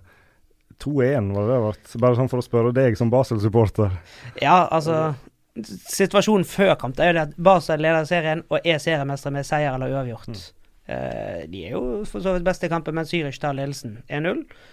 Tror det er det til pause, så skårer Basel på frispark eller noe sånt i andre omgang der. 1-1. Uh, det er lagt til tre minutter. Så kommer det et innlegg eh, i eh, 93-20. Julian Filipescu har ikke skåret ett mål i uh, den trøyen der. Skårer selvfølgelig liggende ned i eh, hjørnet foran Mutensa kurve. Og uh, da er bokstavelig talt helvete i gang. Og han gikk, tror han forlot klubben etter den skåringen. Og mener han var centimeter unna å bli truffet av et forferdelig fyrverkeri òg. Ja. Så mm, Og så endte det vel òg opp med at uh, de skulle Normalt så er det jo sånn seiersseremoni og sånn, og den ble vel kutta. Og det måtte uh, Altså, de fikk Det er nesten sånn at de fikk seriegullet bare sånn at, Vær så god, eh, kan dere gå nå?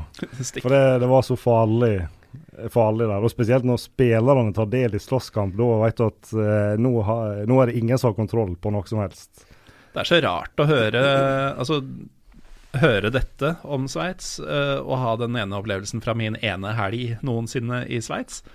Um, fordi dette er jo et land som uh, For oss som ikke har vært der noe særlig, da Nå må du nesten ha meg unnskyldt, uh, Mats, men det, det oppleves som litt identitetsløst. Kanskje fordi det liksom er litt de, de plukker litt fra de forskjellige språkene og de forskjellige kulturene og sånn. Og med tanke på at både Italia, Frankrike, Tyskland er vesentlig større land, så tenker man at Sveits bare er litt sånn tullevariant som nesten ikke skulle vært et eget land engang. Um, og, og, så klarer de jo da å ligge der de gjør, og holde seg nøytrale gjennom andre verdenskrig. Det virker jo som om de, liksom, at det ikke fins noe krigersk i dem i det hele tatt. Uh, så mye virker på stell. Det er penger, og de uh, Ja. Uh, og så klikker det for dem såpass kraftig såpass ofte. Ja, altså, Men militæret har vel bare invadert ett land. Det, det var Liechtenstein i 2007. Ved en feiltagelse etter en eller annen uh, kaptein eller løytnant uh, hadde en liten uh, Hva heter det? Pass, ja, GPS-aktiv feil. Mm, kompass? Tas, kompass. Ja. Tastet inn Plutselig så var de inne i Liechtenstein, som ikke er et veldig militært land. Nei, det de kunne jo egentlig bare blitt der, tenker jeg, uten noe særlig motstand. Kanskje fått noe egg kasta på seg? Ja. Så Vanlig Liechtenstein jeg tror ikke jeg hadde brydd seg. Altså, de er jo et stolt folkeslag, de òg. Men tilbake til det med Sveits, så er Nei, altså sånn Det er gøy at de har det i seg, tenker jeg. Ja, de er jo veldig stolte og har jo et kanskje selvbilde som går litt utenpå andre land, på en måte. Altså, de er stolt, men de er ikke sånn Tyskland-stolt. Mm hvis det er lov til å si. Men uh, Tror det er lov å si. Til tross for Ja, nå er vel ikke Adolf Hytter sveitser, han er vel østerriker? Han er vel østerriker. Mm. det hadde jo tatt det, det var jo han andre som jeg ikke husker navnet på også. uh, men nå er det jo Sveits det skal handle om her, da. Uh, men vi er jo fortsatt inne på rivalerier og, og um, kaos. Og um, Erlend, du har jo også gjort litt research på um, ultrasgrupper og, og atmosfærer på stadion der, for det er jo en del Sveits er jo ikke det første man søker opp uh, på YouTube, men uh, det er mye, mye, fint på tribunene der. Det er jo faktisk I Sveits er det mye Det er så mye pyro, og sikkert mm. litt pivo. Og så er det Ja, det er bluss og farger og uh, til dels ekstremt masse flagg. Og ja, det jeg vil si, Sveits er jo egentlig Du kan, du kan jo for si at det er for folk som liker den tyske ligaen, men vil ta det litt ned i størrelse, så er jo egentlig Sveits et land du kan gå til. For de er mm. egentlig vanvittig gode på supporterkultur og trøkk under kampene. Og egentlig, det er jo sånn Lugano som er sånn der lite lag der kanskje hockey er større. Eh, vi, så, ja, så, er det sånn Hvis de møter et bra lag på en sånn her serie B-aktig stadion Uh, delvis uten tak, langt fra banen og alt det der. Uh, mm. Så uh, sjøl der kan du liksom Hvis du bare søker opp Lugano på YouTube, så er det jo en fest. Uh, og det er et uh, knøttlite lag. Og så har du da selvfølgelig Når storlagene møtes, så er det jo rett og slett helt fantastisk. Har du vært på noen særlig av de, de større oppgjørene, Mats? Jeg har vært på ikke noen av de største, så jeg har vært mot Tun og Vadus. Vadus ja, det, det, er virkelig ikke av de største. Nei, eh, sant? men den, man må jo ta, dette må passe inn med jobb og eh, ja, klart og sånt. Men, eh, og tilgjengelighet, sikkert. I hvert fall hvis du vil ha billetter i Mottenser-kurve, eller hva det heter. Motenser-kurve. Eh, ja Jeg tør ikke Jeg kjenner meg ikke helt igjen med de der altså, folk i solbriller og sorte hatter. Prøver gjerne å unngå akkurat den type, men uh, Bøttehatt og Stone Island. Ja, da vet du at ett feil ord, og så er det to, to tenner ut. Men, Men uh, dette ville jo vært blant dine egne, da? Ja, jeg skulle klart å sno meg unna så lenge det går i Basel. Jeg, jeg tror du skal si, si noe ordentlig gærent om, om, Basel eller uh, kulturen her for å få juling av deres egne uh, ultras, men, men jeg, jeg, ser den. Men de hadde jo eksempel et vanvittig kult uh, TIFO-show mot uh, når Syri kom på besøk her rett før jul. Mm. Det var jo i 3D. Ja. Altså, publikum fikk utdelt briller for å Da fikk du en, ett forskjellig i rødt og ett forskjellig i blått. Så det var fantastisk kult. Og den uh, ligger selvfølgelig ute til, uh, til alskens forlystelse. Det er bare til å søke opp. Mm. Det, det, det, var da mot hvem sa du? Uh, Zürich? Ja. Så Basel Zürich Koreo Choreo eh, 2018, da, da har du den. Ja, den er fet, altså. Mm. Men eh, de andre lagenes eh, fans, vi har snakka mye Young Boys, og det er trøkk der og Erlend. Jeg har jo nevnt St. Gallen. De er veldig bra, Mm. vil jeg si. Og de er òg De kan eh, både, egentlig, jeg kan både TIFO og Pyro. Og så har du det der Altså, jeg blir aldri helt klok på sånn som Luzern. At Er det klovnene? Ja, for de er liksom klovnelaget. For der er sånn Jeg har sett sånne vi videoer av uh, Bare sånn Ja, der er en TIFO på vei opp. Og så Det er et kjempestort klovnefjes. Og så står det 100 stykker bortafor kledd ut som klovner. Og jeg har, jeg har prøvd å finne ut hva det klovnegreiene er, bortsett fra at det er, det er jo litt scary med klovner. da. Er det ikke noe spesielt karnevalby eller noe sånt? Luzern? Nei. Nei, de har jo ikke det i Sveits, sikkert. Det er jo det er bankbyer, og så er det raklettbyer. Bank, ski og eh, internasjonale eh, organisasjoner. Har du noen forklaring på dette klovneopplegget? Egentlig ikke. Jeg syns jo, som sagt, altså, det er jo fryktelig sku. Altså, jeg er ikke er ikke imponert. Jeg syns det er litt uh, spooky. Det, Kramer fra Seinfeld hadde ikke digga det.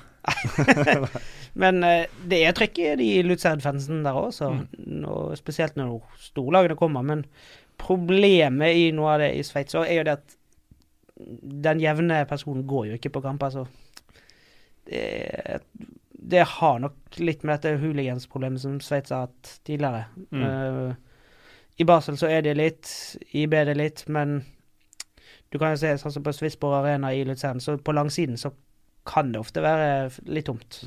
Og det ser litt dårlig ut. Men uh... Vi eh, har jo vært inne på så vidt, eh, eller det vil si Marius Skjelbæk i en tweet hadde vært inne på at Sveits er jo en svær idrettsnasjon, eh, også utenom fotball. Og du eh, Jeg tenkte vi kunne ta litt eh, prat om eh, dersom folk har tenkt å ta seg en tur til Sveits, hvordan man kan legge opp en, en typisk helg, f.eks. Og da kan vi jo ta en stakkar sin tweet før, vi, før vi går inn på de forskjellige idrettene, fordi godeste Asbjørn Slettemark, han skal til Genéve i helga. Oh, oh. for det er vel vinterpause i sveitsisk liga. Ikke nå til helga, men neste ser jeg nå. Han lurer på om det er noe å oppleve i Genéve. det er jo eh, Altså, jeg, jeg har vært der i et døgn bare, da. For jeg var ned og så eh, FCB mot Brann i Europa. Det må vi komme tilbake til, tror jeg. All right. Ja, men det kan vi gjøre. Men uh, da kan du kan iallfall fortelle om Genéve nå. Ja. Den aller kjedeligste byen jeg har vært i hele mitt liv. De har ei fontene som er 140 meter høy, tror jeg, og det er vel kanskje det. Det, er jo, det, det skal jo sies at byen er jo på sitt vis Den er jo pen. Den er på en måte ren og pen. Som en Det er ikke noe trekkplaster i seg sjøl, da. Nei, det er jo det. Det er jo alle sveitsiske byer. ja, det er jo for så vidt det òg. Men det er, på en måte, Basel er på en måte litt mer skitten enn Genéve. Og folk eh, det, det er jo en sånn eh, Altså Folk har eh, Heter det dyre jobber? Ja, iallfall. Eh, folk, det er som diplomater, ambassadører Folk som jobber på kontor.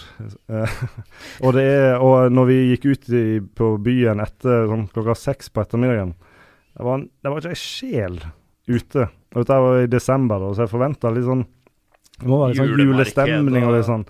Men bare Nei, vi fant, vi fant ingenting, vi. Og det, derfor var jeg veldig glad med, for at du kunne bekrefte Altså, Genéve er jo fryktelig døv by. Eh, eh, man må bare bruke dø ordet døv. Altså Ja, det er helt lov. det, Det er, det er ingen som hører på dette, som vil uh, bli sure på deg for det. Nei, altså uh, Røde Kors har jo sitt hovedkontor der, eksempel. Og ikke noe vondt om de, men jeg tror ikke det er de som Det er litt kjedelige.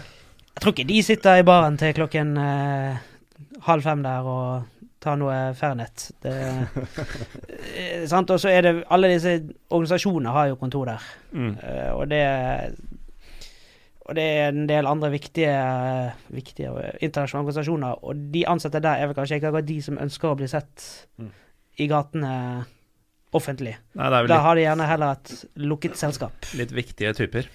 Ja, slips og Så stakkars Asbjørn tar altså turen fra eh, Europas kuleste by, Berlin, eh, som han bor i, til eh, det som virker som å være unisont Europas kjedeligste by, Genéve, for å kose seg en helg. Han har tråkka i salaten, som han sier. Det kan bli antiklimaks. Men det skal jo sies, da, at han, Jeg vet ikke om han spurte om sport, men de har jo et hockeylag der. Men jeg tror jeg bare Jeg tror de er litt som fotballaget på vei til å gå på trynet økonomisk. Ja, Det har ikke helt peiling på, men eh, de har jo gått Servett har jo gått på trynet nå et x antall ganger. Ja. De har, altså Ja, de, de kan ikke Altså, i den byen eh, med alle de dresskledde folka, så kan de ikke økonomi. Servett eh, som fotballag eh, jeg lurer på- De har vel kanskje bare gått konk én gang de siste ti åra, men uh, holder på hele tida å gå konkurs. Ja, for der har vi også fått et spørsmål fra Håvard Johansen, som lurer på hva som gjøres galt i Genéve, og hvorfor ikke Servett er en stabil toppklubb. Ja, det er jo Det er, Dette er jo et tema du har dekka litt med ditt snakk. Ja, men ja, de har jo eh, De òg er et sånt lag som har en altfor stor stadion der det dukker opp 2000 folk, og de har ikke sjans å vedlikeholde den. Og, og det går helt ad undas med det meste. Det skal jo sies da at eh, de gjør det jo nå greit i Challenge League, som er nest øverste, men det er tross alt nest øverste divisjon, da. Og et lag, eh, Genève, eh, til tross for at det er en døv by, burde klare å ha et lag i øverste divisjon, skulle en tro, da. Men uh, Ja, for det er en viktig by, ja, det er liksom en viktig en stor by. Og Ja, altså Det er jo Sveits nest største by. Eh, Og uh, jeg lurer på om ja, altså Det er ikke langt under 2000 at Servett har et gjennomsnitt på. Og stadion tar jo 30 000, så det ser jo bare dumt ut. Ja. Uh, Og så har de lilla sete. Eh, ja, klubben er jo det lilla. men- Ja, det var sånn lyse, sånn Lyse- lilla avfarga sete. For jeg måtte, bare, måtte opp og bare sjekke eh, Sjekke stadion. Og så Der Det var jo ikke kamp, da. Vi bare gikk opp, og så bare Ja, der var betong og så sånn avfarga lilla sete. Og så gikk vi derfra. Ja, det er jo en stadion du ser at det har regnet litt for mye litt, litt for mye og litt for lite folk på opp igjennom. Altså, men de, stadion brukes vel som uh, internasjonalt blir mye til uh, f.eks. treningskamper med Mm. f.eks. Ja, Kamerun eh, Japan kunne fint spilt seg en kamp der, aktig. Ja, det- Eh, det så hadde de vel cupfinalen i Sveits i 2017. Men eh, For den går på rundgang eh, litt? ja, men alle. Altså til og med sant? Da hadde jo f.eks. Baselfansen en koreo. Altså cupfinalen hører til på uh, Wankdorf. Ja, ok. Det er litt sånn Det er litt større å spille på der enn altså Det var ikke fullt engang på den cupfinalen mot Zion, men det var, de hadde samme har spilt mot hverandre to år tidligere. Men Mm. Det er litt vanskelig by for de fleste å komme seg til i forhold til Bern, da. Ja, og høres jo ikke ut som den har eh, grunnlaget for å bli en fotballby heller, hvis eh, det verken er puber eller folk der. Nei. Nei. I gatene i hvert fall. men forresten bare sånn eh, Landslaget de er òg sånn som driver og turnerer rundt. Gjør ikke de det? I, eh, de, har, de er litt sånn som Spania.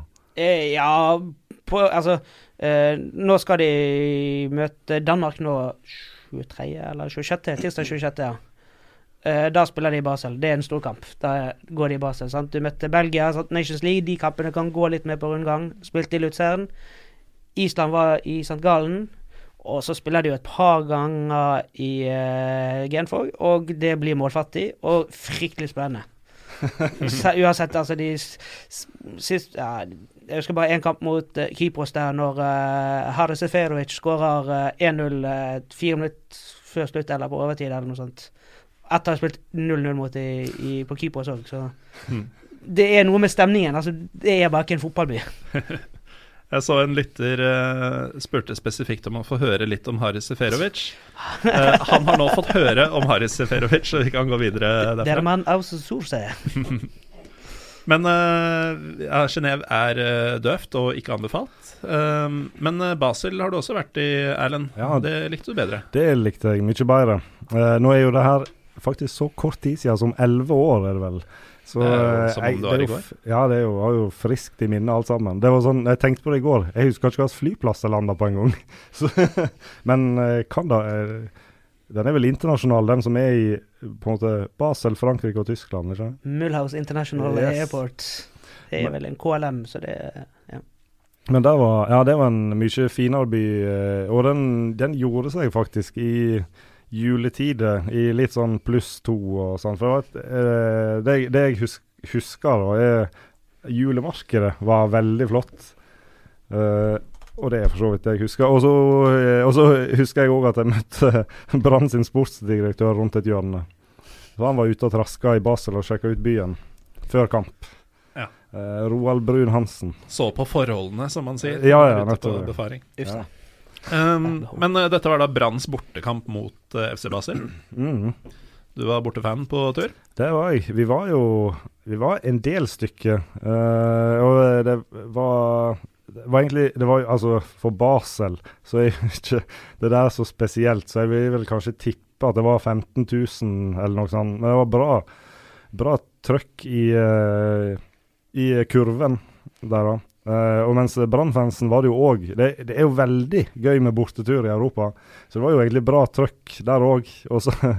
Men så har en òg enkelte som er sånn klassisk på tur og sovna når kampen starta og sånn. Og det var ikke meg, da, bare sånn eh, for å understreke det. Men det er sånn, ja, der ligger en fyr og sover.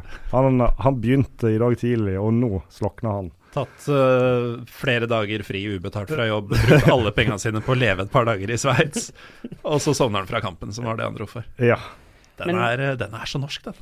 Det var vel også på den tiden hvor Europaligaen bare var fire kamper, Ja. lag. Så det var ikke noe hjemmekamp på ja, det var borte mot Basel og, hjemme mot Dynamo Zagreb, blant annet. Ja, uff. Og Eh, Hamburg kom vel også til byen. Ja. Og da syns jeg syns å huske at uh, syns at uh, Company Company var på. Hamburg. Og han var så svær i forhold til alle var- for for da sto vi og diskuterte på tribunen. Det er sann en topptrent fotballspiller skal se Ja. ut. Jeg var på Marienlyst og så Norge U21 mot uh, Tyskland. Det er vel fort høsten 17 eller noe sånt må det ha vært. Uh, og Jonathan Ta fra Bayer Leverkosen Han spilte stopper for uh, Tyskland, og han så ut som en fullvoksen mann. Altså, Han var et beist. Han var sånn Trym Hogner-størrelse for de som har sett han i virkeligheten. Mens de andre var jo sånn Martin Ødegaard og, og Morten Thorsby og greier. Det, det var helt vilt å se størrelsesforskjellen på de gutta her. Den sesongen var vel også Luka Modric på Brann stadion. Ja, ja, ja, for Zagreb. Ja, bare, Det var helt uh, Ja. Og Brann vann. Det er veldig viktig å poengtere. Slo Luka Modric. Luka Modric. Men hvordan gikk det i Basel? 0-1, og det burde blitt 0-12. det, var- det ble, sånn som jeg husker det, ble, men det kan jo være fordi jeg var så nervøs.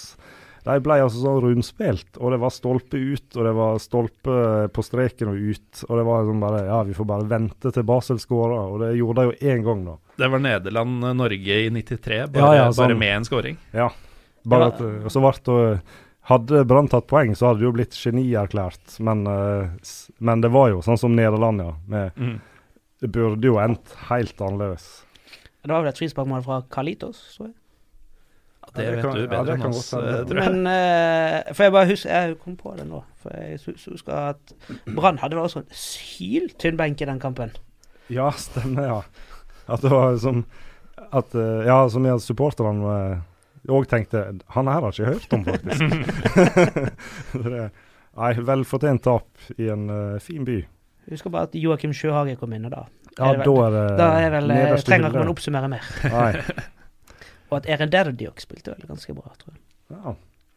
Men eh, Sveits er jo et eh, ganske lite land i utstrekning. Og så har du da den tysktalende delen som da er en mindre del av Sveits igjen. Eller antagelig den største delen, vil jeg tro. Men eh, det er ikke hele Sveits engang, er eh, poenget mitt. Eh, som da også har flest klubber. Så jeg vil jo tro at hvis du tar en helg for å få med deg så mye som mulig, så kan du se i hvert fall et par fotballkamper. Og så har vi jo nevnt at hockey også er svært i noen av byene. Ja, det er jo, det er jo eh, i alle fall Sånn som i Bern, f.eks., så får du jo Jeg, jeg lurer på om Altså, arenaen til hockeylaget tar rundt 20 000, og det er stort sett ja, 15 000-20 000. Ja, det er full, eh, full hall. Mm. Det, de, det, nå står det vel mellom de og Eishockey fra en sug, tror jeg. Så Mm. de er sånn Ja, altså og i hele tatt stort sett uh, i, by, i byene i Sveits. Du har jo sånn som Lugano, de har nok større hockeyarena enn de har fotballstadion. Mm. Og det er vel det er ingen det er ingen hockeyarena som uh, som er mindre enn 6000-8000 i kapasitet, så det er ganske store store greier. Mm. Eh, Så selv på, så selv på vinteren kan du, hvis du da slumper borti å reise ned på vinteren og får med deg én fotballkamp, så kan du i samme byen få en hockeykamp med enda flere tilskuere. Ja. Ja, altså Bern er jo Kan du få deg en god hockeykamp? Uh, Hvis du skulle klare å treffe på at det er ski og hockeykamp i Davos, så er jo Davos en stor hockeyby òg. Mm. Uh, ja. Så det er mye sport da, som, eh, som var det Marius Skjelbæk uh, maste Astom i forkant her. Um, det, det var jo også da i forbindelse med andre sporter. Det var en match mellom Luzern og Basel uh, for noen år tilbake. Uh, der eh, kamptidspunktet ble endra pga. en annen idrett. At det ikke skulle krasje. Ja, det var jo tennisincidenten, det. ja, det er jo uh, selvfølgelig, og han er jo selvfølgelig stor fan av Basel. Rog. Men eh, det var da han skulle spille en kamp, så de flytta fotballkampen sånn at eh, folk kunne få med seg begge deler. Ja, altså når Roger Federer spiller, så kan du vel nesten sammenligne som en uh, femmil i Kålen. Altså du, får, du ligger ikke i en eliteseriekamp da, i Norge. Det, Nei, i hvert fall ikke Haugesund eh, mot eh, Lillestrøm, f.eks. For det, den er så sjanseløs. men altså Roger Federer er så stor. Altså Det er jo kanskje tidenes beste idrettsutøver gjennom tidene. Fra Sveits, eller totalt sett? Mm, Totalt sett. Altså Hadde Trym Hogner vært her nå, så hadde han sagt det er det sjukeste du noensinne har sagt, Mats. Nei Han, har jo vunnet alt ganger alt, og Mhm. Men det var jo, det var jo om, i, den, I den kampen det var jo en enorm mengde tennisballer som havna ute på banen, så jeg antar jo at eh, at eh, altså fansen ville at kampen fortsatt skulle På en måte Altså, de ville se fotball. Ja, men eh, så er det jo det at det- sitter noe med noe TV-rettigheter. Ja, og, ja, ja. og det var jo også en stor protest mot e-sport i kampen mellom eh, Skan, eller Fadesen eh, IB mot eh, FCB her i høst. Hva skjedde der? Eh, Fadesen var jo for Basels at de tapte 7-1, men det er noen annen ting. Men uh, de hadde stor protest. Det var mye uh, koreo mot at uh, fotballforbundet og klubbene skal satse på e-sport. det, det var egentlig det. Ja, altså, det sto noe fryktelige koreo og eh, kastet jo tror, de, jeg tror Baselfesten kastet et x antall eh, konsoller ut på Det er en dyr protest, da. Jo, men, men sånn tar de råd til i Sveits. Ja, det De må jo ta seg råd til det. Men om boten blir betalt, det er en annen ting. Det, Men er det da noen eh, flere steder i Sveits som, eh, som kan være verdt et besøk, eh, Mats? Eh, Nå har ikke jeg vært der selv, men Wallis, altså FC Zion sitt område I sommer så var jeg i Beograd og var på en sånn eh, pubcrawl i Beograd. Og Der møtte jeg en eh, i Utenriksdepartementet fra Sveits som var høyt oppe der. Og uh, Han var på pubcrawl i Beograd. pubcrawl Hun kom vel fra Hun? Ja, det var en kvinne. Hun hadde var, andre gang i dag. Ja. kom, akkurat, kom akkurat fra ambassaden i Colombo og skulle nå jobbe i Beograd. Og så kom vi da litt inn på Shakira og Shaka. Og hun- de hadde visst fått et par heller hyggelige brev fra Sinte Sebra underveis der. Men mm. det er noen annen ting. Men uh, hun anbefalte da å besøke Vallis-området. Altså sør Ganske ja, midt sør midt i landet der. Uh, stort fjellområde. Uh, det skal visst være ganske flott natur å besøke og gå i. Og det er jo en ting Sveits har mye av. Fjell? Ja, naturområder. Fjell og natur, ja. Og de prøvde jo å søke OL, eh, Wallis og Sion, men eh, som eh, direkte demokrati avgjør, så ble det nei. Og selv i Zürich, som man tenker på som en sånn finansiell eh, storby, eh, er jo både en flott by i utgangspunktet og har da innsjø og alper eh, innen synsvidde. Du kan ta S-banen opp til Ytterligberg, som er et ganske høyt eh, fjell og med strålende utsikt. Um, litt sånn som Oslo, egentlig. At du har, eh, du har den klassiske storbygreia, og så har du kule naturting rett ved, som du kan ta kollektivtrafikk til. Ja, sant, altså Hva er det, 45 minutter, en time unna, så er du plutselig oppe i de høyeste alper og kan eh, Mm. svisje nedover uh, løypene. Så Wallis-området er jo virkelig det, det, var noe hun virkelig anbefalte ut ifra jeg som hadde vært i Genéve, Basel og uh, Zürich. Mm. Da mente han at Wallis det måtte stå høyt oppe neste gang. Wallis, altså. Ja, det er jo òg en sånn Er du heldig da, så er det jo eh, Du, du kan treffe på eh, derby fra, Altså hva skal jeg si, fransk derby i eh, De kaller det Romandie-derby. Ser- Eh, Sion mot eh, Neuchâtel. Eller da i divisjonen under eh, servett mot Lausanne. Lausanne. Det er, jo at uh, Men nå vet jeg ikke hvor mange som kommer på det i, Cirka i uh, 2000. Men, eh, men eh, det er jo liksom det store derbyet på fransk side. Så Ja. det er Kanskje det. se det i Lausanne, om Ja. det kan hjelpe. Og Ja. da får de også en eh, Da får du møte, eh, møte en nordmann. Og ikke bare bare nordmann, men en nordmann fra, fra ditt område. Ja, en uh, Sogn og Fjording, holdt jeg på å si. Der er Per Egil Flo. Og han spiller på Lausanne. Og, eh, og gjør jo Altså, vi snakker jo her nest øverste nivå i Sveits, men han er jo nominert til eh, årets Altså 2018s blir det vel, lag i Challenger League. Så han har jo gjort sine saker greit da, på Mm. det nivået. Så er du, er du heldig, så får du sett Lausanne servett med Per Egil Flo på banen. Kan du drømme om mer? Nei, nå tror jeg vi har spikra ferieplanene for de aller fleste av de som fortsatt hører på. Ja, og hvis man da er i Lausanne, så er det mye annet å gjøre på altså, Du har jo Friidrettsforbundet, ikke det de som ligger i Lausanne òg? Og har jo et fryktelig stadion. Mest kjent for friidrett, men uh, fotball med løpebaner, det Det er, ikke, det er ikke sånn vi skal ha det i 2019. Nei, og det er ikke mange folk på de Lausanne-kampene heller, altså. Det, når det kommer til fransktalende og fotball og Sveits, så er de best med beina, ikke, med, ikke på tribunen. Um, det, det er vel det vi har å si om nordmenn i sveitsisk fotball nå, etter at uh, Iallfall El- Elionossi dro. Ja, ja iallfall nåværende nordmenn i Sveits. Mm. Så er det jo Ja, man hadde jo for eksempel Ørjan Berg har jo vært i uh, FCB. Ja, det, det er jo en del som har vært der. Eller Også, kanskje ikke mange, men en del. Hva er det han der som uh, Det var jo en, en som har samme etternavn som han er fyren på Mjøndalen, uh, Gulden.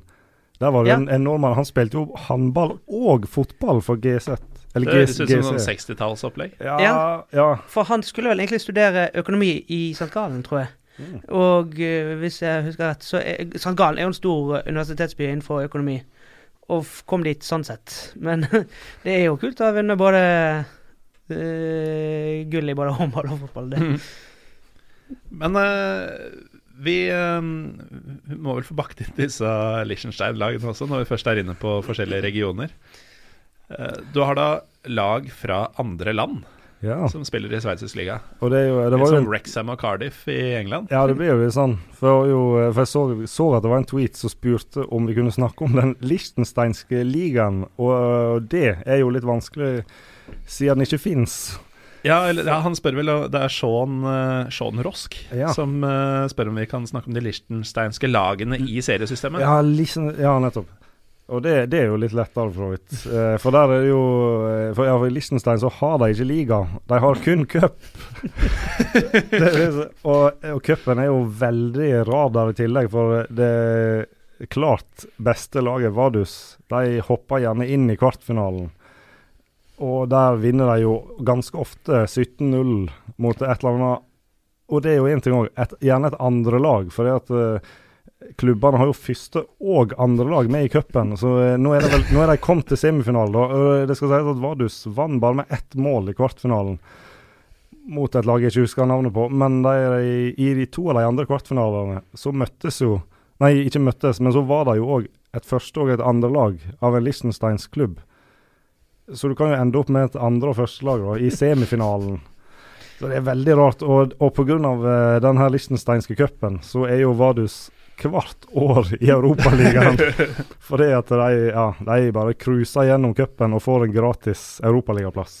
Ja, jeg kommer ikke på noen andre ligaer hvor et lag i eh, nest øverste divisjonen også er med i Europa.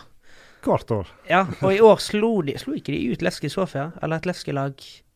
Det var et eller annet rart med Europaligaen i sommer. Altså, fordi du har jo Dude Lange som, eh, som slo ut både Gud og hvermann og kom til gruppespillet fra Luxembourg. Dette er jo land som man avskrev før jeg ble født i fotballsammenheng, og egentlig fortsatt gjør. Ja, altså Liechtenstein er vel kanskje det beste altså, Men jeg tror det er det landet som har flest medaljer per Eller flest olympiske medaljer per innbygger. Oi. Hm. Jeg tror de har tre. De tok vel en med hun Veiratter i. Alpint. Ja. Ja. Det må, jeg kan ikke se for meg at landet skal ta noe annet.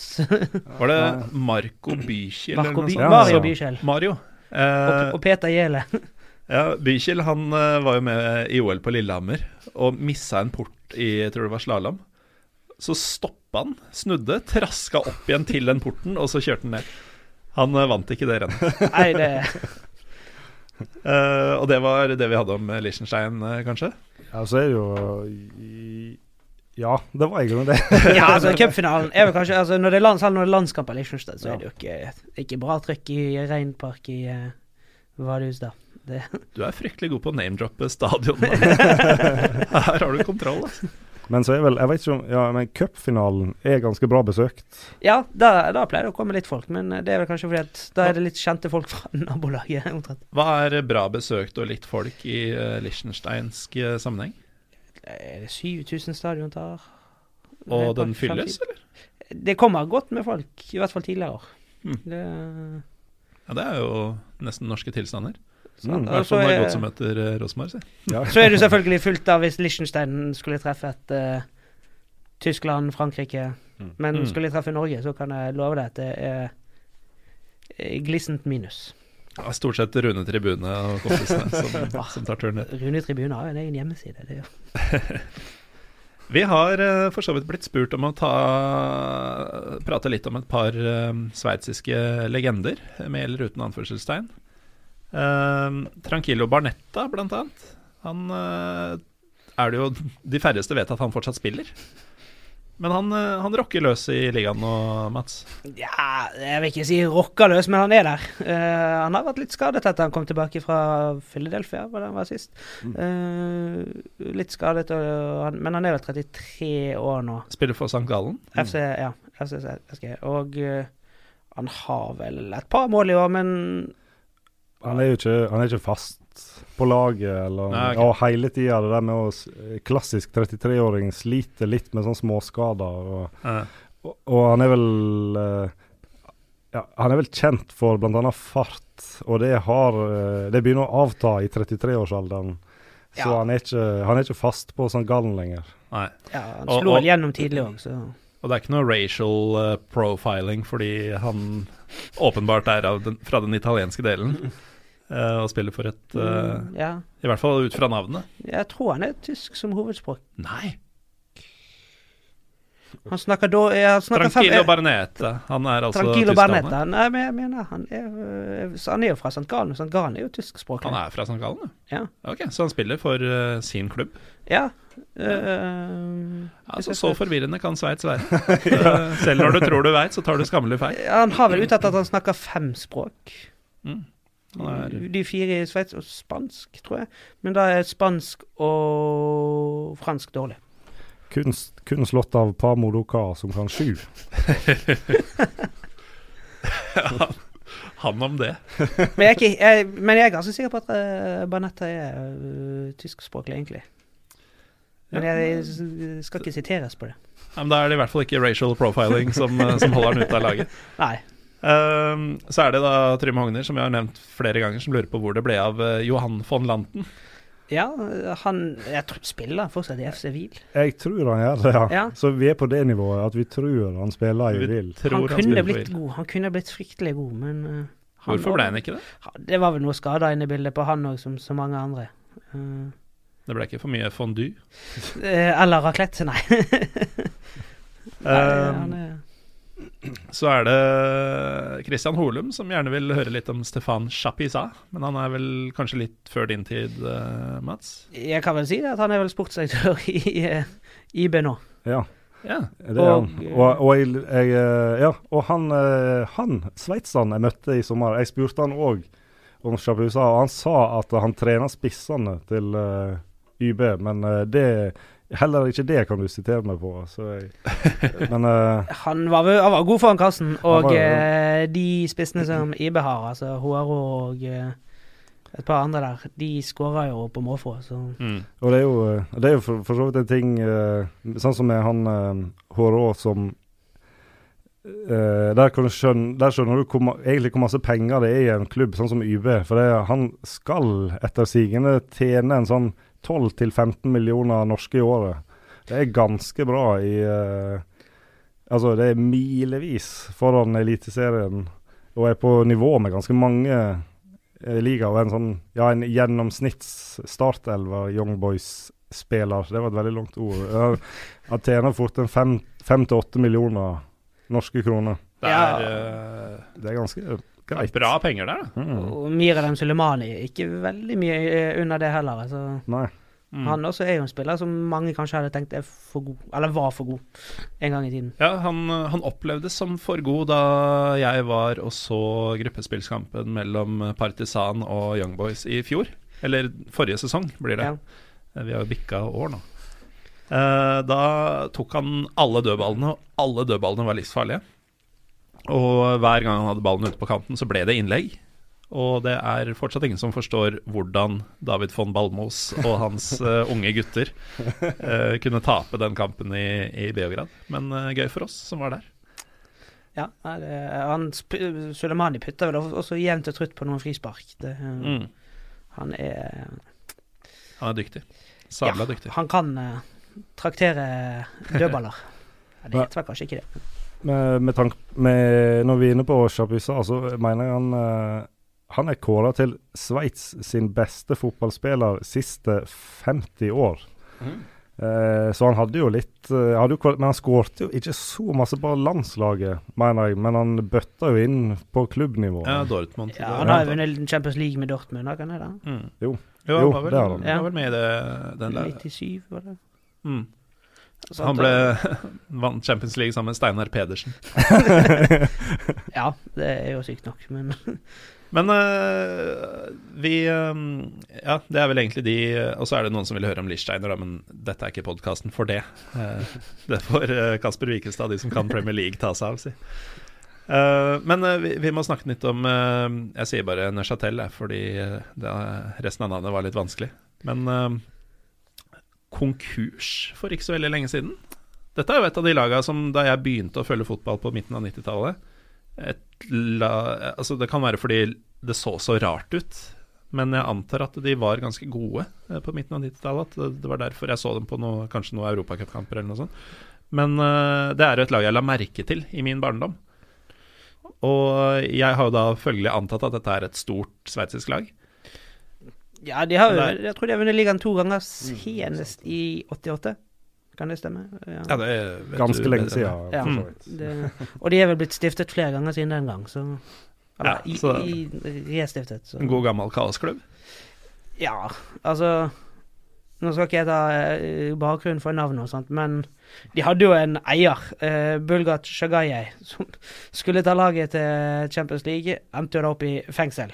Det er jo kanskje det er, sant, Og det er igjen det, det er jo fra den fransktalende. De har jo ikke peiling på lag og, og, penger. Og han mener han fristet liksom med at han skulle ta Maradona med inn i eh, klubben på en eller annen måte. Og de klubbene som har tatt Maradona inn, har det ikke akkurat gått veldig bra for heller. Uh, men jeg tror på, Ja, de var jo store på 80-tallet, og de har vel kommet til kvartfinalen to ganger i Uefa Cup. Tapte mot Real Madrid.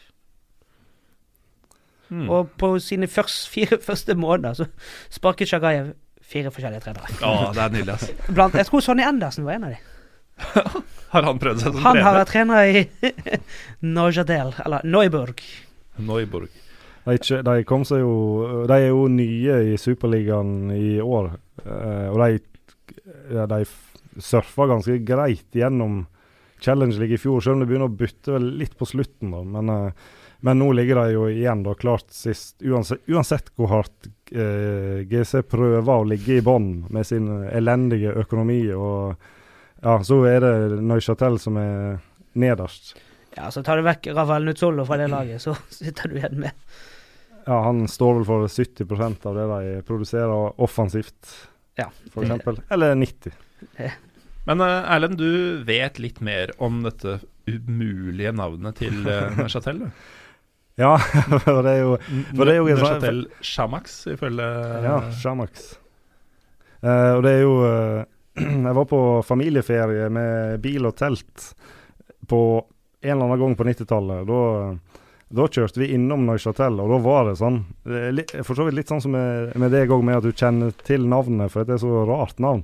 Så når vi kjørte innom Neuchâtel, så var det sånn Oi, her er Neuchatel Shamax fra Ut, og, og jeg visste ingenting mer. Det var bare sånn et lag med to x-er i navnet sitt. Og det er jo uh, finurlig nok av at uh, ei, leg ei legende i klubben uh, Jeg er litt usikker på hvordan du uttaler Ma- eh, Max Abeglen. Abeglen. Abeglen blir det jo. Abeglen, ja. Eh, som, har vært, som lenge var den som hadde putta flest mål for det sveitsiske landslaget, før eh, godeste Tyrkilmas kom, kom opp. Og bare, han, han tangerte det vel bare, og så stoppa han òg. Mm. Uh, men uh, ja, og, eh, og det her Shamax-navnet er jo fordi han heter jo Max. Og det er jo da Max fram og baklengs. Ja, for det er vel et såkalt uh, palindrom, er det Ja. ikke det det heter? Når ord blir like begge veier? Ja. Ja, så det er Det er ganske, ja, ganske spesielt. Det forklarer vel egentlig ikke hvorfor. det ser det jo fortsatt bare dumt ut og er vanskelig. Men eh, da skal det vel egentlig, egentlig bli Skamax, Xam, ja, hvis du skal eh, Ja. hvis du skal si det likt uh, begge veier. ja. nå måtte tenke litt. Ja, nå, nå sklir det ut her. um, men um, du, uh, du er jo fort den eldste av oss, uh, Erlend. Og um, vi har sikkert en del lyttere som husker Sveits fra sånn 94-VM, Ja. 96-EM og sånn. Er det noen uh, Altså, Neuchatel har tydeligvis begge to lagt merke til på 90-tallet, men uh, er det noen andre spillere enn Chapisa fra den tida som du husker godt? Jeg husker jo spesi kanskje spesielt eh, av, av eh, uvisse grunner, så husker jeg Alain Sutter. Sutter. Mm. Med håret. Med håret på venstre på, Jeg var vel gjerne venstre midtbane. Og han, og, han er vel en av uh, Altså, han er egentlig Han er ikke mest kjent for det, men han er på en måte Sveits sin eh, Lars Bohinen. Fordi han, uh, han er en av de som uh, Boy Eller han, han Jeg lurer på om han entra en landskamp med et banner når Frankrike eh, prøvesprengte atombombe i Mururoa-atollen. Og det var vel Bohinen droppa vel en landskamp Mot Frankrike. mot Frankrike. Mm. Mens han her møtte opp med et banner, da. Og han har òg i seinere tid òg vært veldig sånn Veldig forkjemper eh, Eller kjempa mot avskoging av Amazonas. Mm. Og han har gitt ut et par stressmestringsbøker og litt sånn òg, da. Men, men han er jo eh, Men ja, han, eh, han er jo en legende i, eh, i sveitsisk fotball. Der han eh, på, på landslaget spilte han att attmed han her som heter Sforza. Mm. Sforza. Sforza. Sforza. Uh, Han må da være fra italienske delen. Det er jeg ganske sikker på.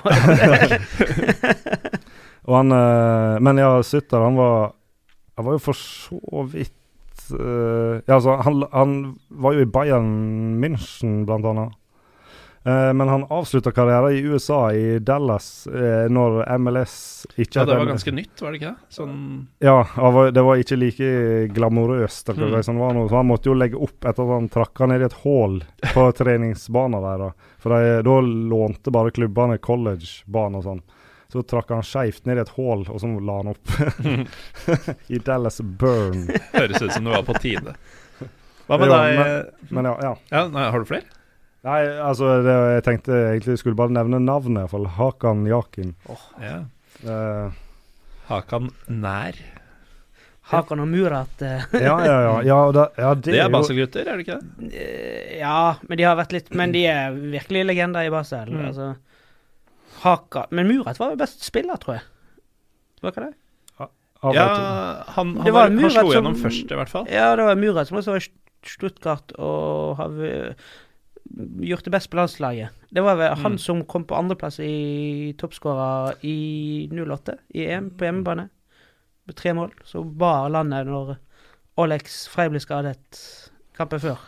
Mm. Men eh, jeg, tror, jeg tror det er Murat som eh, var best. Og så er det Hakan som har blitt trener i ettertid. Ja, riktig. Hovedtrener. Mm. Det er jo, eh, ja, han var innom PSG Galatasaray var han vel òg innom, var ikke det? Hakan? Ja, godt mulig. Ja, det har vært noen fall. hakkammer der. Kaiserslautern var han vel Nei. Nei, Nei. for det, det, er han, det er hans Svors- Han er iallfall legende i Laut Kaiserslautern. Mm. Ja. Ja, for der har han vært i tre perioder, tror jeg. Jeg tror han drev og veksla mellom Bayern München og Kaiserslautern. For det er bare Nå går jeg til Bayern München. Nei, jeg får ikke helt til. Går tilbake til Kaiserslautern. Og så sånn holdt han på. Så han var der i tre perioder og er helt eh, For han, han Svorsa han var med å vinne ligaen med Kaiserslautern etter at de rykte opp fra BL to Ja. året før. 98, tror jeg. Jeg trodde nesten ikke det gikk an i Tyskland. Nei. Men uh, vi får se om uh, Union vinner BL1 neste år etter at de rykker opp eh, i år. Ja, det, det, det, det blir ikke i år. Etter å ha spilt uavgjort på bortebane og vinner på hjemmebane. Det er jo klassisk Ur-Fischer-taktikk. Ja, det har vært mest uavgjort på, på hjemmebane også, faktisk. Vært mest uavgjort i det hele tatt. Uh, hva med deg, Mats? Eh, har du noe holdt på å si, barndomsminner fra sveitsisk fotball, eller uh, noen fra en svunnen tid som du vil hedre litt? Nei, altså Man kan jo ikke komme unna spillere som Franco Constanzo, uh, Pascal Syberbühler. Man kan jo ikke det! Det, altså, sant, jeg var keeper med en barndom, og da var jo dette her store, Ja, det store spillere. Så nå er det David von Balmås som er eh, Ja, sant, og det Sybar, eller Sybi som han blir kalt, var også en av grunnene til at Christian Grås gjorde det så bra. Han hentet jo kjente Sybarbilder fra tiden i eh, GC, og hentet han der, og var med å bygge opp og Ja. eh, så Marco Strella er også, for min del, mm. skikkelig altså sant, Jeg er jo litt yngre, men Spilte Streller eh, på landslaget omtrent samtidig som Alex Frey. ja. De er, er jo bestevenner. Det Så- husker jeg var et kult eh, par. Ja, og, så det var en litt sånn rar skinkesituasjon her eh, i Basel tidligere, ja, i fjor høst, da. Når Vicky ble skadet, så tok Frey, som også leder ungdomslaget til Basel, han var interimmanager. Mm. Og da var jo media sett sånn Nå har Strella virkelig Enten så må du bli kvitt deg med vennskapet, eller så må du kvitte deg med treneren. Men de er jo fryktelig gode venner. Og, eller fryktelig Det er jo negativt, men veldig gode venner. Da uh, nærmer vi oss avslutninga. Uh, men jeg tenkte å ta en runde med Twitter-spørsmål før vi skal ta noe som vi må ta, som dere ikke veit om ennå. Uh, først så er det SA Prag som eh, lurer på om dere er klar over at det er en bjørn i Toblerone-logoen.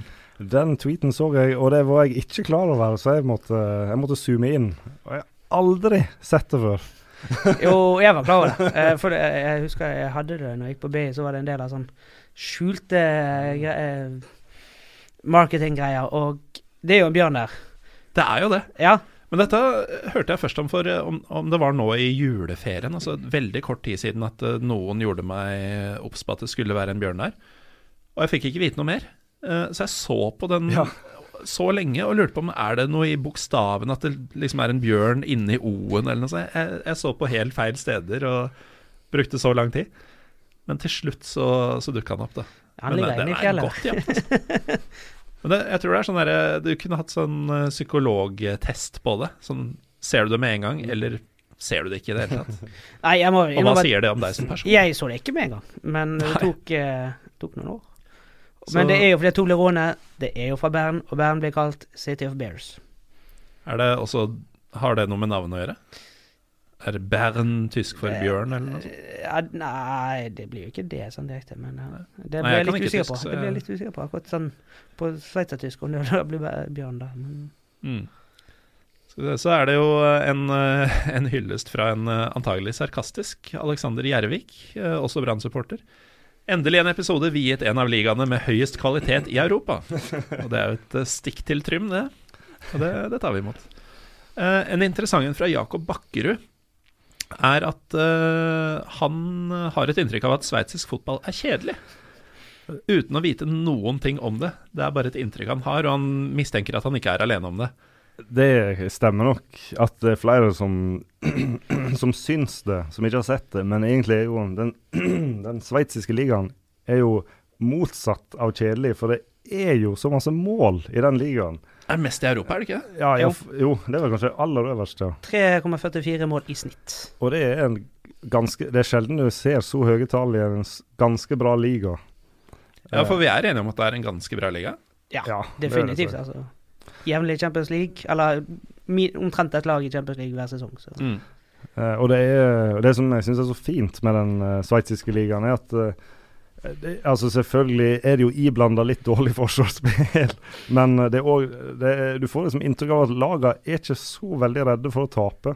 Så de, eh, det, det er ganske mange av lagene som har en relativt offensiv innstilling til kampene.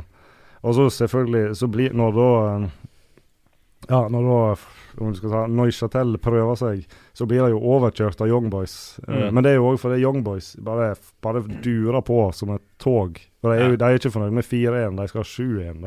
Ja ja, sånn som Sånn. Basel.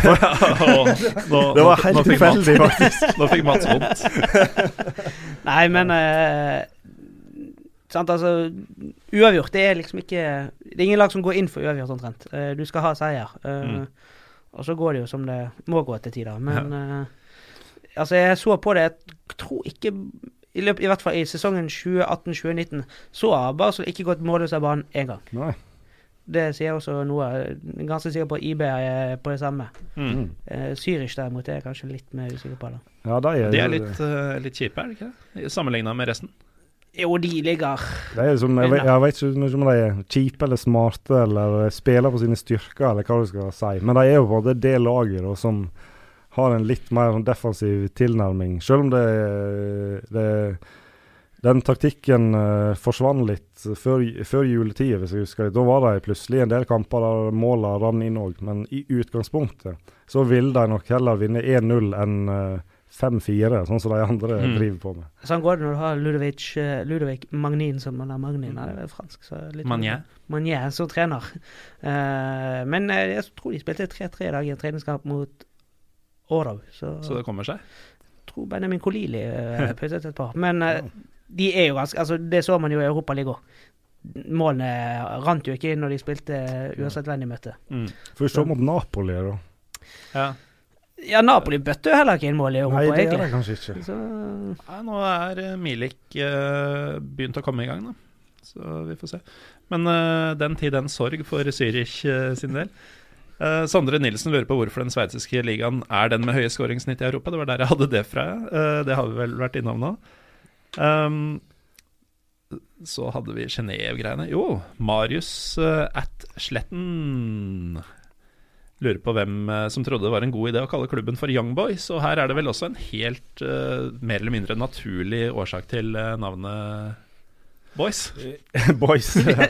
ja, for det var vel Det var vel da sånn at noen uh, sveitsere så laget Old Boys spille mot uh, Jeg vet ikke om det heter FC Bern eller hva det var, men det heter et eller annet band iallfall. Ja. Og så fant de jo bare ut at eh, vi må jo vi må starte en fotballklubb. Og Old Boys fins allerede. Selvfølgelig skal vi kalle den Young Boys. Ja. ja, det var vel noen studenter, tror jeg. Ja. ja. Eh, og det er jo egentlig forklaringa Det var en veldig kjedelig forklaring, merker jeg nå. Men, det var, men ja, det er veldig flott at du har De møttes jo i cupen i fjor, Old Boys mot Young Boys. Og selvfølgelig var det Young Boys som vant. De har jo mer kondis og mindre strekk. Pyro og Pivo hadde en quiz eh, i Oslo eh, den høsten, og det var jo selvfølgelig et av spørsmålene. Så kan vi jo gå videre på hvorfor stadion heter Wankdorf òg, men uh...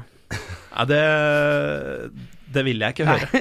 Der, der skal jeg leve i villfarelsen om at uh, den ene som er fullt klar over hvorfor banen heter Wankdorf, det er David von Balmos. Eh, vi skal snart gi oss, men eh, vi har jo knapt nok vært innom uh, kulinariske fristelser i, i Sveits. Vi har nevnt Toblerone og sagt ordene raclette og fondue. Men uh, kan du begynne med med deg, Mats, som kanskje kjenner Sveits best. Hva er det man må spise og drikke, ikke minst, hvis man er på en liten uh, sveitsertur?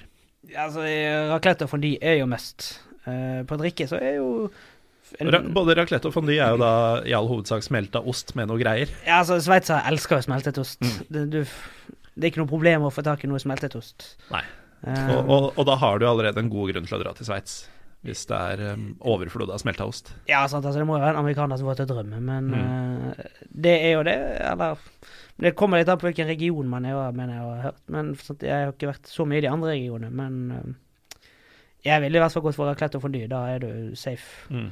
Og da kan man mikse litt med noen andre flotte råvarer. Og på drikke så må man vel kanskje ha en absint. Ja, Det er en uh, Det er greie i Sveits. det er jo sveitsisk. Ja. Funnet opp i Sveits. Er det det, virkelig? Ja, jeg er ganske, ja, jeg er ganske sikker på det. Ja. Da har du jo to eh, Jeg trodde, trodde det kom fra et mye mer sånn pyro pivo-klassisk land. Ja. Sånn type Schweiz. Slovakia eller noe sånt. Ja, Sveits overraska med hooligans og absint. Når de virkelig skal, så klarer de. Det. Farmasøytisk høysete, selvfølgelig har de utvikla det sitt. Ja, så man vasker altså ned den uh, smelta osten med en uh, Min uh, absint. med eller uten malurt. Nei, uh, altså, Jeg har ikke prøvd selv, altså jeg er jo litt sånn sær i matveien. Det er ikke alt som går ned i min gane. Mm. Nei, men raclette og fondue uh, holder det, det. Eh, hva med deg, Erlend? Har du noen eh, Jeg hadde eh, de tre tinga Hvis jeg skulle nevnt noe, så var det de tre tinga. For ellers er jeg litt svak på sveitsisk eh, matkultur, mm. egentlig. Det, det, er jo, det er jo sjokolade og ost eh, Kanskje hovedsakelig, som de er stolte av. mm. Og klokke, men Og det kan ikke du ete. Nei, det, nei, det er ikke så godt. Jeg- Verken armbåndsur eller gjøkur går ned på høykant her. Der er jeg også litt sær i Min gane er litt sær på akkurat det. Um, ja, og så er de vel en ganske sånn klassisk eh, sentraleuropeisk nasjon når det gjelder eh, øl. Det er vel pils og en mørk variant fra samme bryggeri som, som er eh, utvalget, stort sett. Ja, altså Carlsberg Carlsberg har jo vært stor sponsor av f.eks. Nasjonal, eller Di Nazi i mange år. Så Ja, og så er det jo selvfølgelig som eh, I hvert fall var det det i Zürich, på Letzegrund. Eh, drar du vinterstid på en kamp, så får du gluwein. stadion. Selvfølgelig. selvfølgelig. Eh, men der heter det visst De sier ikke gluwein, de sier gløvin, eller noe Ja. sånt. Nesten som rødvin. ja. Så de Ja. Men ellers så er de er vel ganske som resten av Tyskland, Østerrike, ganske likt ellers. Mm. Tror jeg det Ja. Kro, En Kronberg, der kommer du langt med òg. Du får, eh, du får um, stua mat, hvis du vil ha det. Ja. og eh, sant, og landet er jo midt mellom eh, to kulinariske destinasjoner i Italia og Frankrike òg, så Mm. tror ikke det er noe problem å finne Fôr. Ja. Det er verre å få betalt for det. Eh, ja, altså, da er det bare til å sitte eh, maksgrensen på kortet opp i været. Ja. Det var dårlig reklame for Sveits. Jo, men akkurat den delen er ikke til å stikke under en stol. Det er jævlig dyrt selv for nordmenn. Eh, men uansett, vi har i hvert fall prøvd å gjøre Sveits interessant i snart to timer nå. Så takk, Mats Birkeland, for at du kom og bidro med din enormt eh, omfattende og litt sjokkerende, egentlig, innsikt i sveitsisk fotball og samfunn. Men jeg må bare jeg tror, Når jeg tenker om, om så er eh, Banetta, foreldrene, er et italiensk ett. Så jeg var ikke helt på trynet. Nei, eh, så jeg, da kan ikke jeg bli tatt på at jeg ikke har hatt at på det. Nei. Og jeg har uh, tatt meg sjøl og blitt tatt på forutinntatthet rundt uh, spilleres herkomst eh, allerede i år, og er glad for at jeg nå slapp unna med det som kunne vært enda en faux pas i sånn anledning. Uh, uansett, takk Mats for at du kom. Eh, har du hygga deg i din første Pyro Pivo-sending? Det har vært meget, eh, meget interessant og gøy. Og takk for at jeg fikk komme. Jo, for all del. Det er godt mulig du kommer tilbake også, hvis, uh, hvis du er villig. Uh, Erlend Aasen Gloppestad, alltid en glede. Takk for at du kom. Veldig hyggelig. Og takk til dere som hører på. Det er i hvert fall en glede å vite at dere fortsatt er her, etter alt litt Ja. Vi er ikke alltid strukturerte, og vi er ikke alltid kvalitetsbevisste på hvor samtalen går, men uh, til tross for det, så er dere der og, og sier både gode og mindre gode ting til oss på sosiale medier, som for øvrig er Pyro Pivopod på Twitter og Instagram, eller bare Pyro Pivo på Facebook. Jeg heter Morten Galaasen, vi er tilbake igjen neste uke. Takk skal dere ha.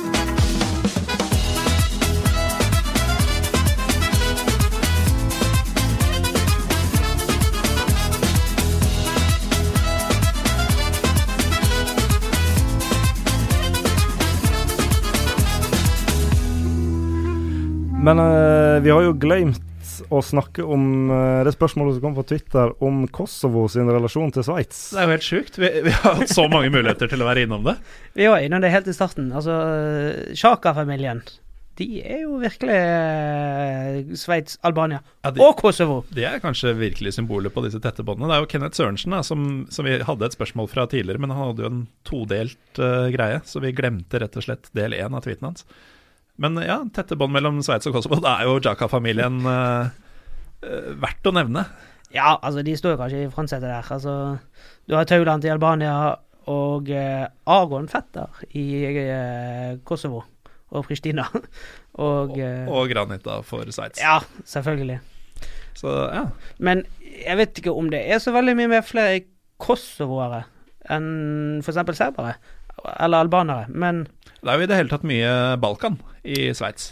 ja, det er jo en eh, veldig trist grunn til, på en måte. Det, Ja. Eh, Selv om Ja. Det har vel også vært arbeidsinnvandring eh, før, før det virkelig begynte å skjære Ja, for det har begynt allerede på 60-tallet med Sveits eh, som rett og slett tok inn kosovo-albanske arbeidere til å jobbe i Sveits. Og eh, det er egentlig sånn, den eldste grunnen jeg veit om da, til, en, en, eh, til den relasjonen Kosovo-Sveits. Så Kosovo-albanerne kom til Sveits på samme måte som tyrkerne kom til Tyskland, Sveits, Østerrike osv. Ja. Og så eksploderte jo det der på ja, 90 Ja, bokstavelig talt. ja bokstavelig talt. Talt i både Beograd, eh, Kosovo og Mm. Albania og Serbia. Så Ja. Altså det er, eh, det er jo veldig mye eh, albanere, Kosovo-albanere i Sveits, men det er jo sikkert fort like mange eh, serbere. Ja, for du, du nevnte vel i stad at serbokroatisk er jo like stort som en del av de sveitsiske språka. Ja, altså det er jo større enn romansj. Altså mm. Serbokroatisk snakkes jo i hvert fall av minimum 100 000. Og Men de, jeg så en sånn statistikk. De er ikke, alle, de er ikke like populære. Altså Balkanfolka. Nei. Kan man ta, så kan man si Balkanfolk, men uh, eh, de har et litt sånn frynsete rykte på en måte. Mm. Eh, jeg tror det er bare én nasjonalitet som stjeler, blir tatt for flere tyveri, og det er Sri Lanka. De er over, de er over 470% over den vanlige sveitser. 470 mer. Hvis du tar i forhold til folkegruppa. Mens jeg tror eh, Balkan de ligger på rundt 270-370 Flere eh, lovbrudd og tyveri. Tyveri eh, tror jeg det er hovedsakelig, men Mm. eh, Sri Lanka, altså. Ja, de utgjør jo mye, mye færre folk, men eh, Ja, men eh, inntrykket mitt av Sri Lanka i Norge er ganske veltilpassa gjeng. Ja, nei, men i Sveits så har de Sveits fikk de kriminelle. Men eh, nok om det. Men uh, jeg tror Altså, det er ikke flere Men de er vel kanskje mer opptatt av å vise det, eller. For jeg var jo i Kaliningrad der. Mm. Og det var jo mange eh, Sveits som holdt Som gikk i Sveits, 3, men var fra Serbia. De tok jo ekstremt sterk avstand fra det her. Altså, Mm. som, som serbia, det har jo ingenting på fotballbanen å gjøre. Og uh, Men de, har, de er kanskje ikke like fremtredende i media, sånn som Shakiri og Shaka og eh, Berami er jo derfra. Mm. Ja, Jemaili. Jemaili. Eh, Seferovic er bosnier. Det samme Mehmedi. Dermic. Admir Mehmedi. Men det er vel hovedsakelig de to som Eller Shaka og Shakiri. Mm. Og, eh, men det er jo mange som også sant, Benjamin Kolili i FTZ er vel også på landslaget der. Et landslag som er i start. For Kosovo. Ja. Men om det er flere enn så er jeg bare Nei, det tror jeg ikke. Nei. Da har vi forhåpentligvis besvart det spørsmålet sånn noenlunde. Er det mer vi har glemt, eh, Erlend og Mats? Nei, nå eh, tror jeg tror kanskje du må trykke av recorder en gang til for at jeg skal komme på flere. Men da prøver vi det, og så kjører vi outromusikken en gang til. Lykke til. Og så får vi se om det blir noe mer etterpå. Takk for nå. Vi er straks tilbake.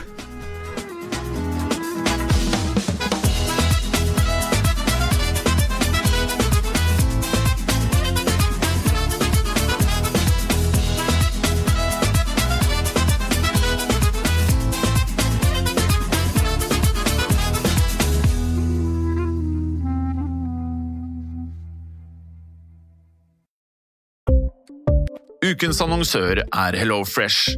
HelloFresh er verdens ledende matkasseleverandør og kan være redningen i en travel hverdag. Mange av oss har nok vandret i butikken både sultne og uten en plan for middagen, som ender med at vi går for de samme kjedelige rettene gang på gang. Middag burde være dagens høydepunkt. Som Hello Fresh kan du nå velge mellom 25 ulike retter hver eneste uke, eller få Hello Fresh til å sette sammen menyen for deg. Dette gir deg muligheten til å prøve nye og spennende retter alene eller sammen med familien. Du velger antall porsjoner og får alt levert på døren på et tidspunkt som passer for deg. Oppskriftene er enkle, og maten er lett å lage både for store og for små.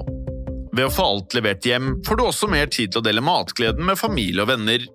Kanskje det frister med asiatiske tacos eller greskinspirert kylling? Da kan jeg anbefale deg om å gå inn på hellofresh.no. Her kan du bruke koden FOTBALL og få opptil 1779 kroner i rabatt på de første fem matkastene hvis du ikke har prøvd Hello Fresh tidligere. Du kan også bruke rabatten hvis du har vært kunde og stoppet abonnementet ditt for tolv måneder siden eller lengre. Gå inn på hellofresh.no og bruk koden FOTBALL. Har du et enkeltpersonforetak eller en liten bedrift? Da er du sikkert lei av å høre meg snakke om hvor enkelt det er med kvitteringer og bilag i fiken, så vi eh, gir oss her, vi. Fordi vi liker enkelt. Fiken superenkelt regnskap.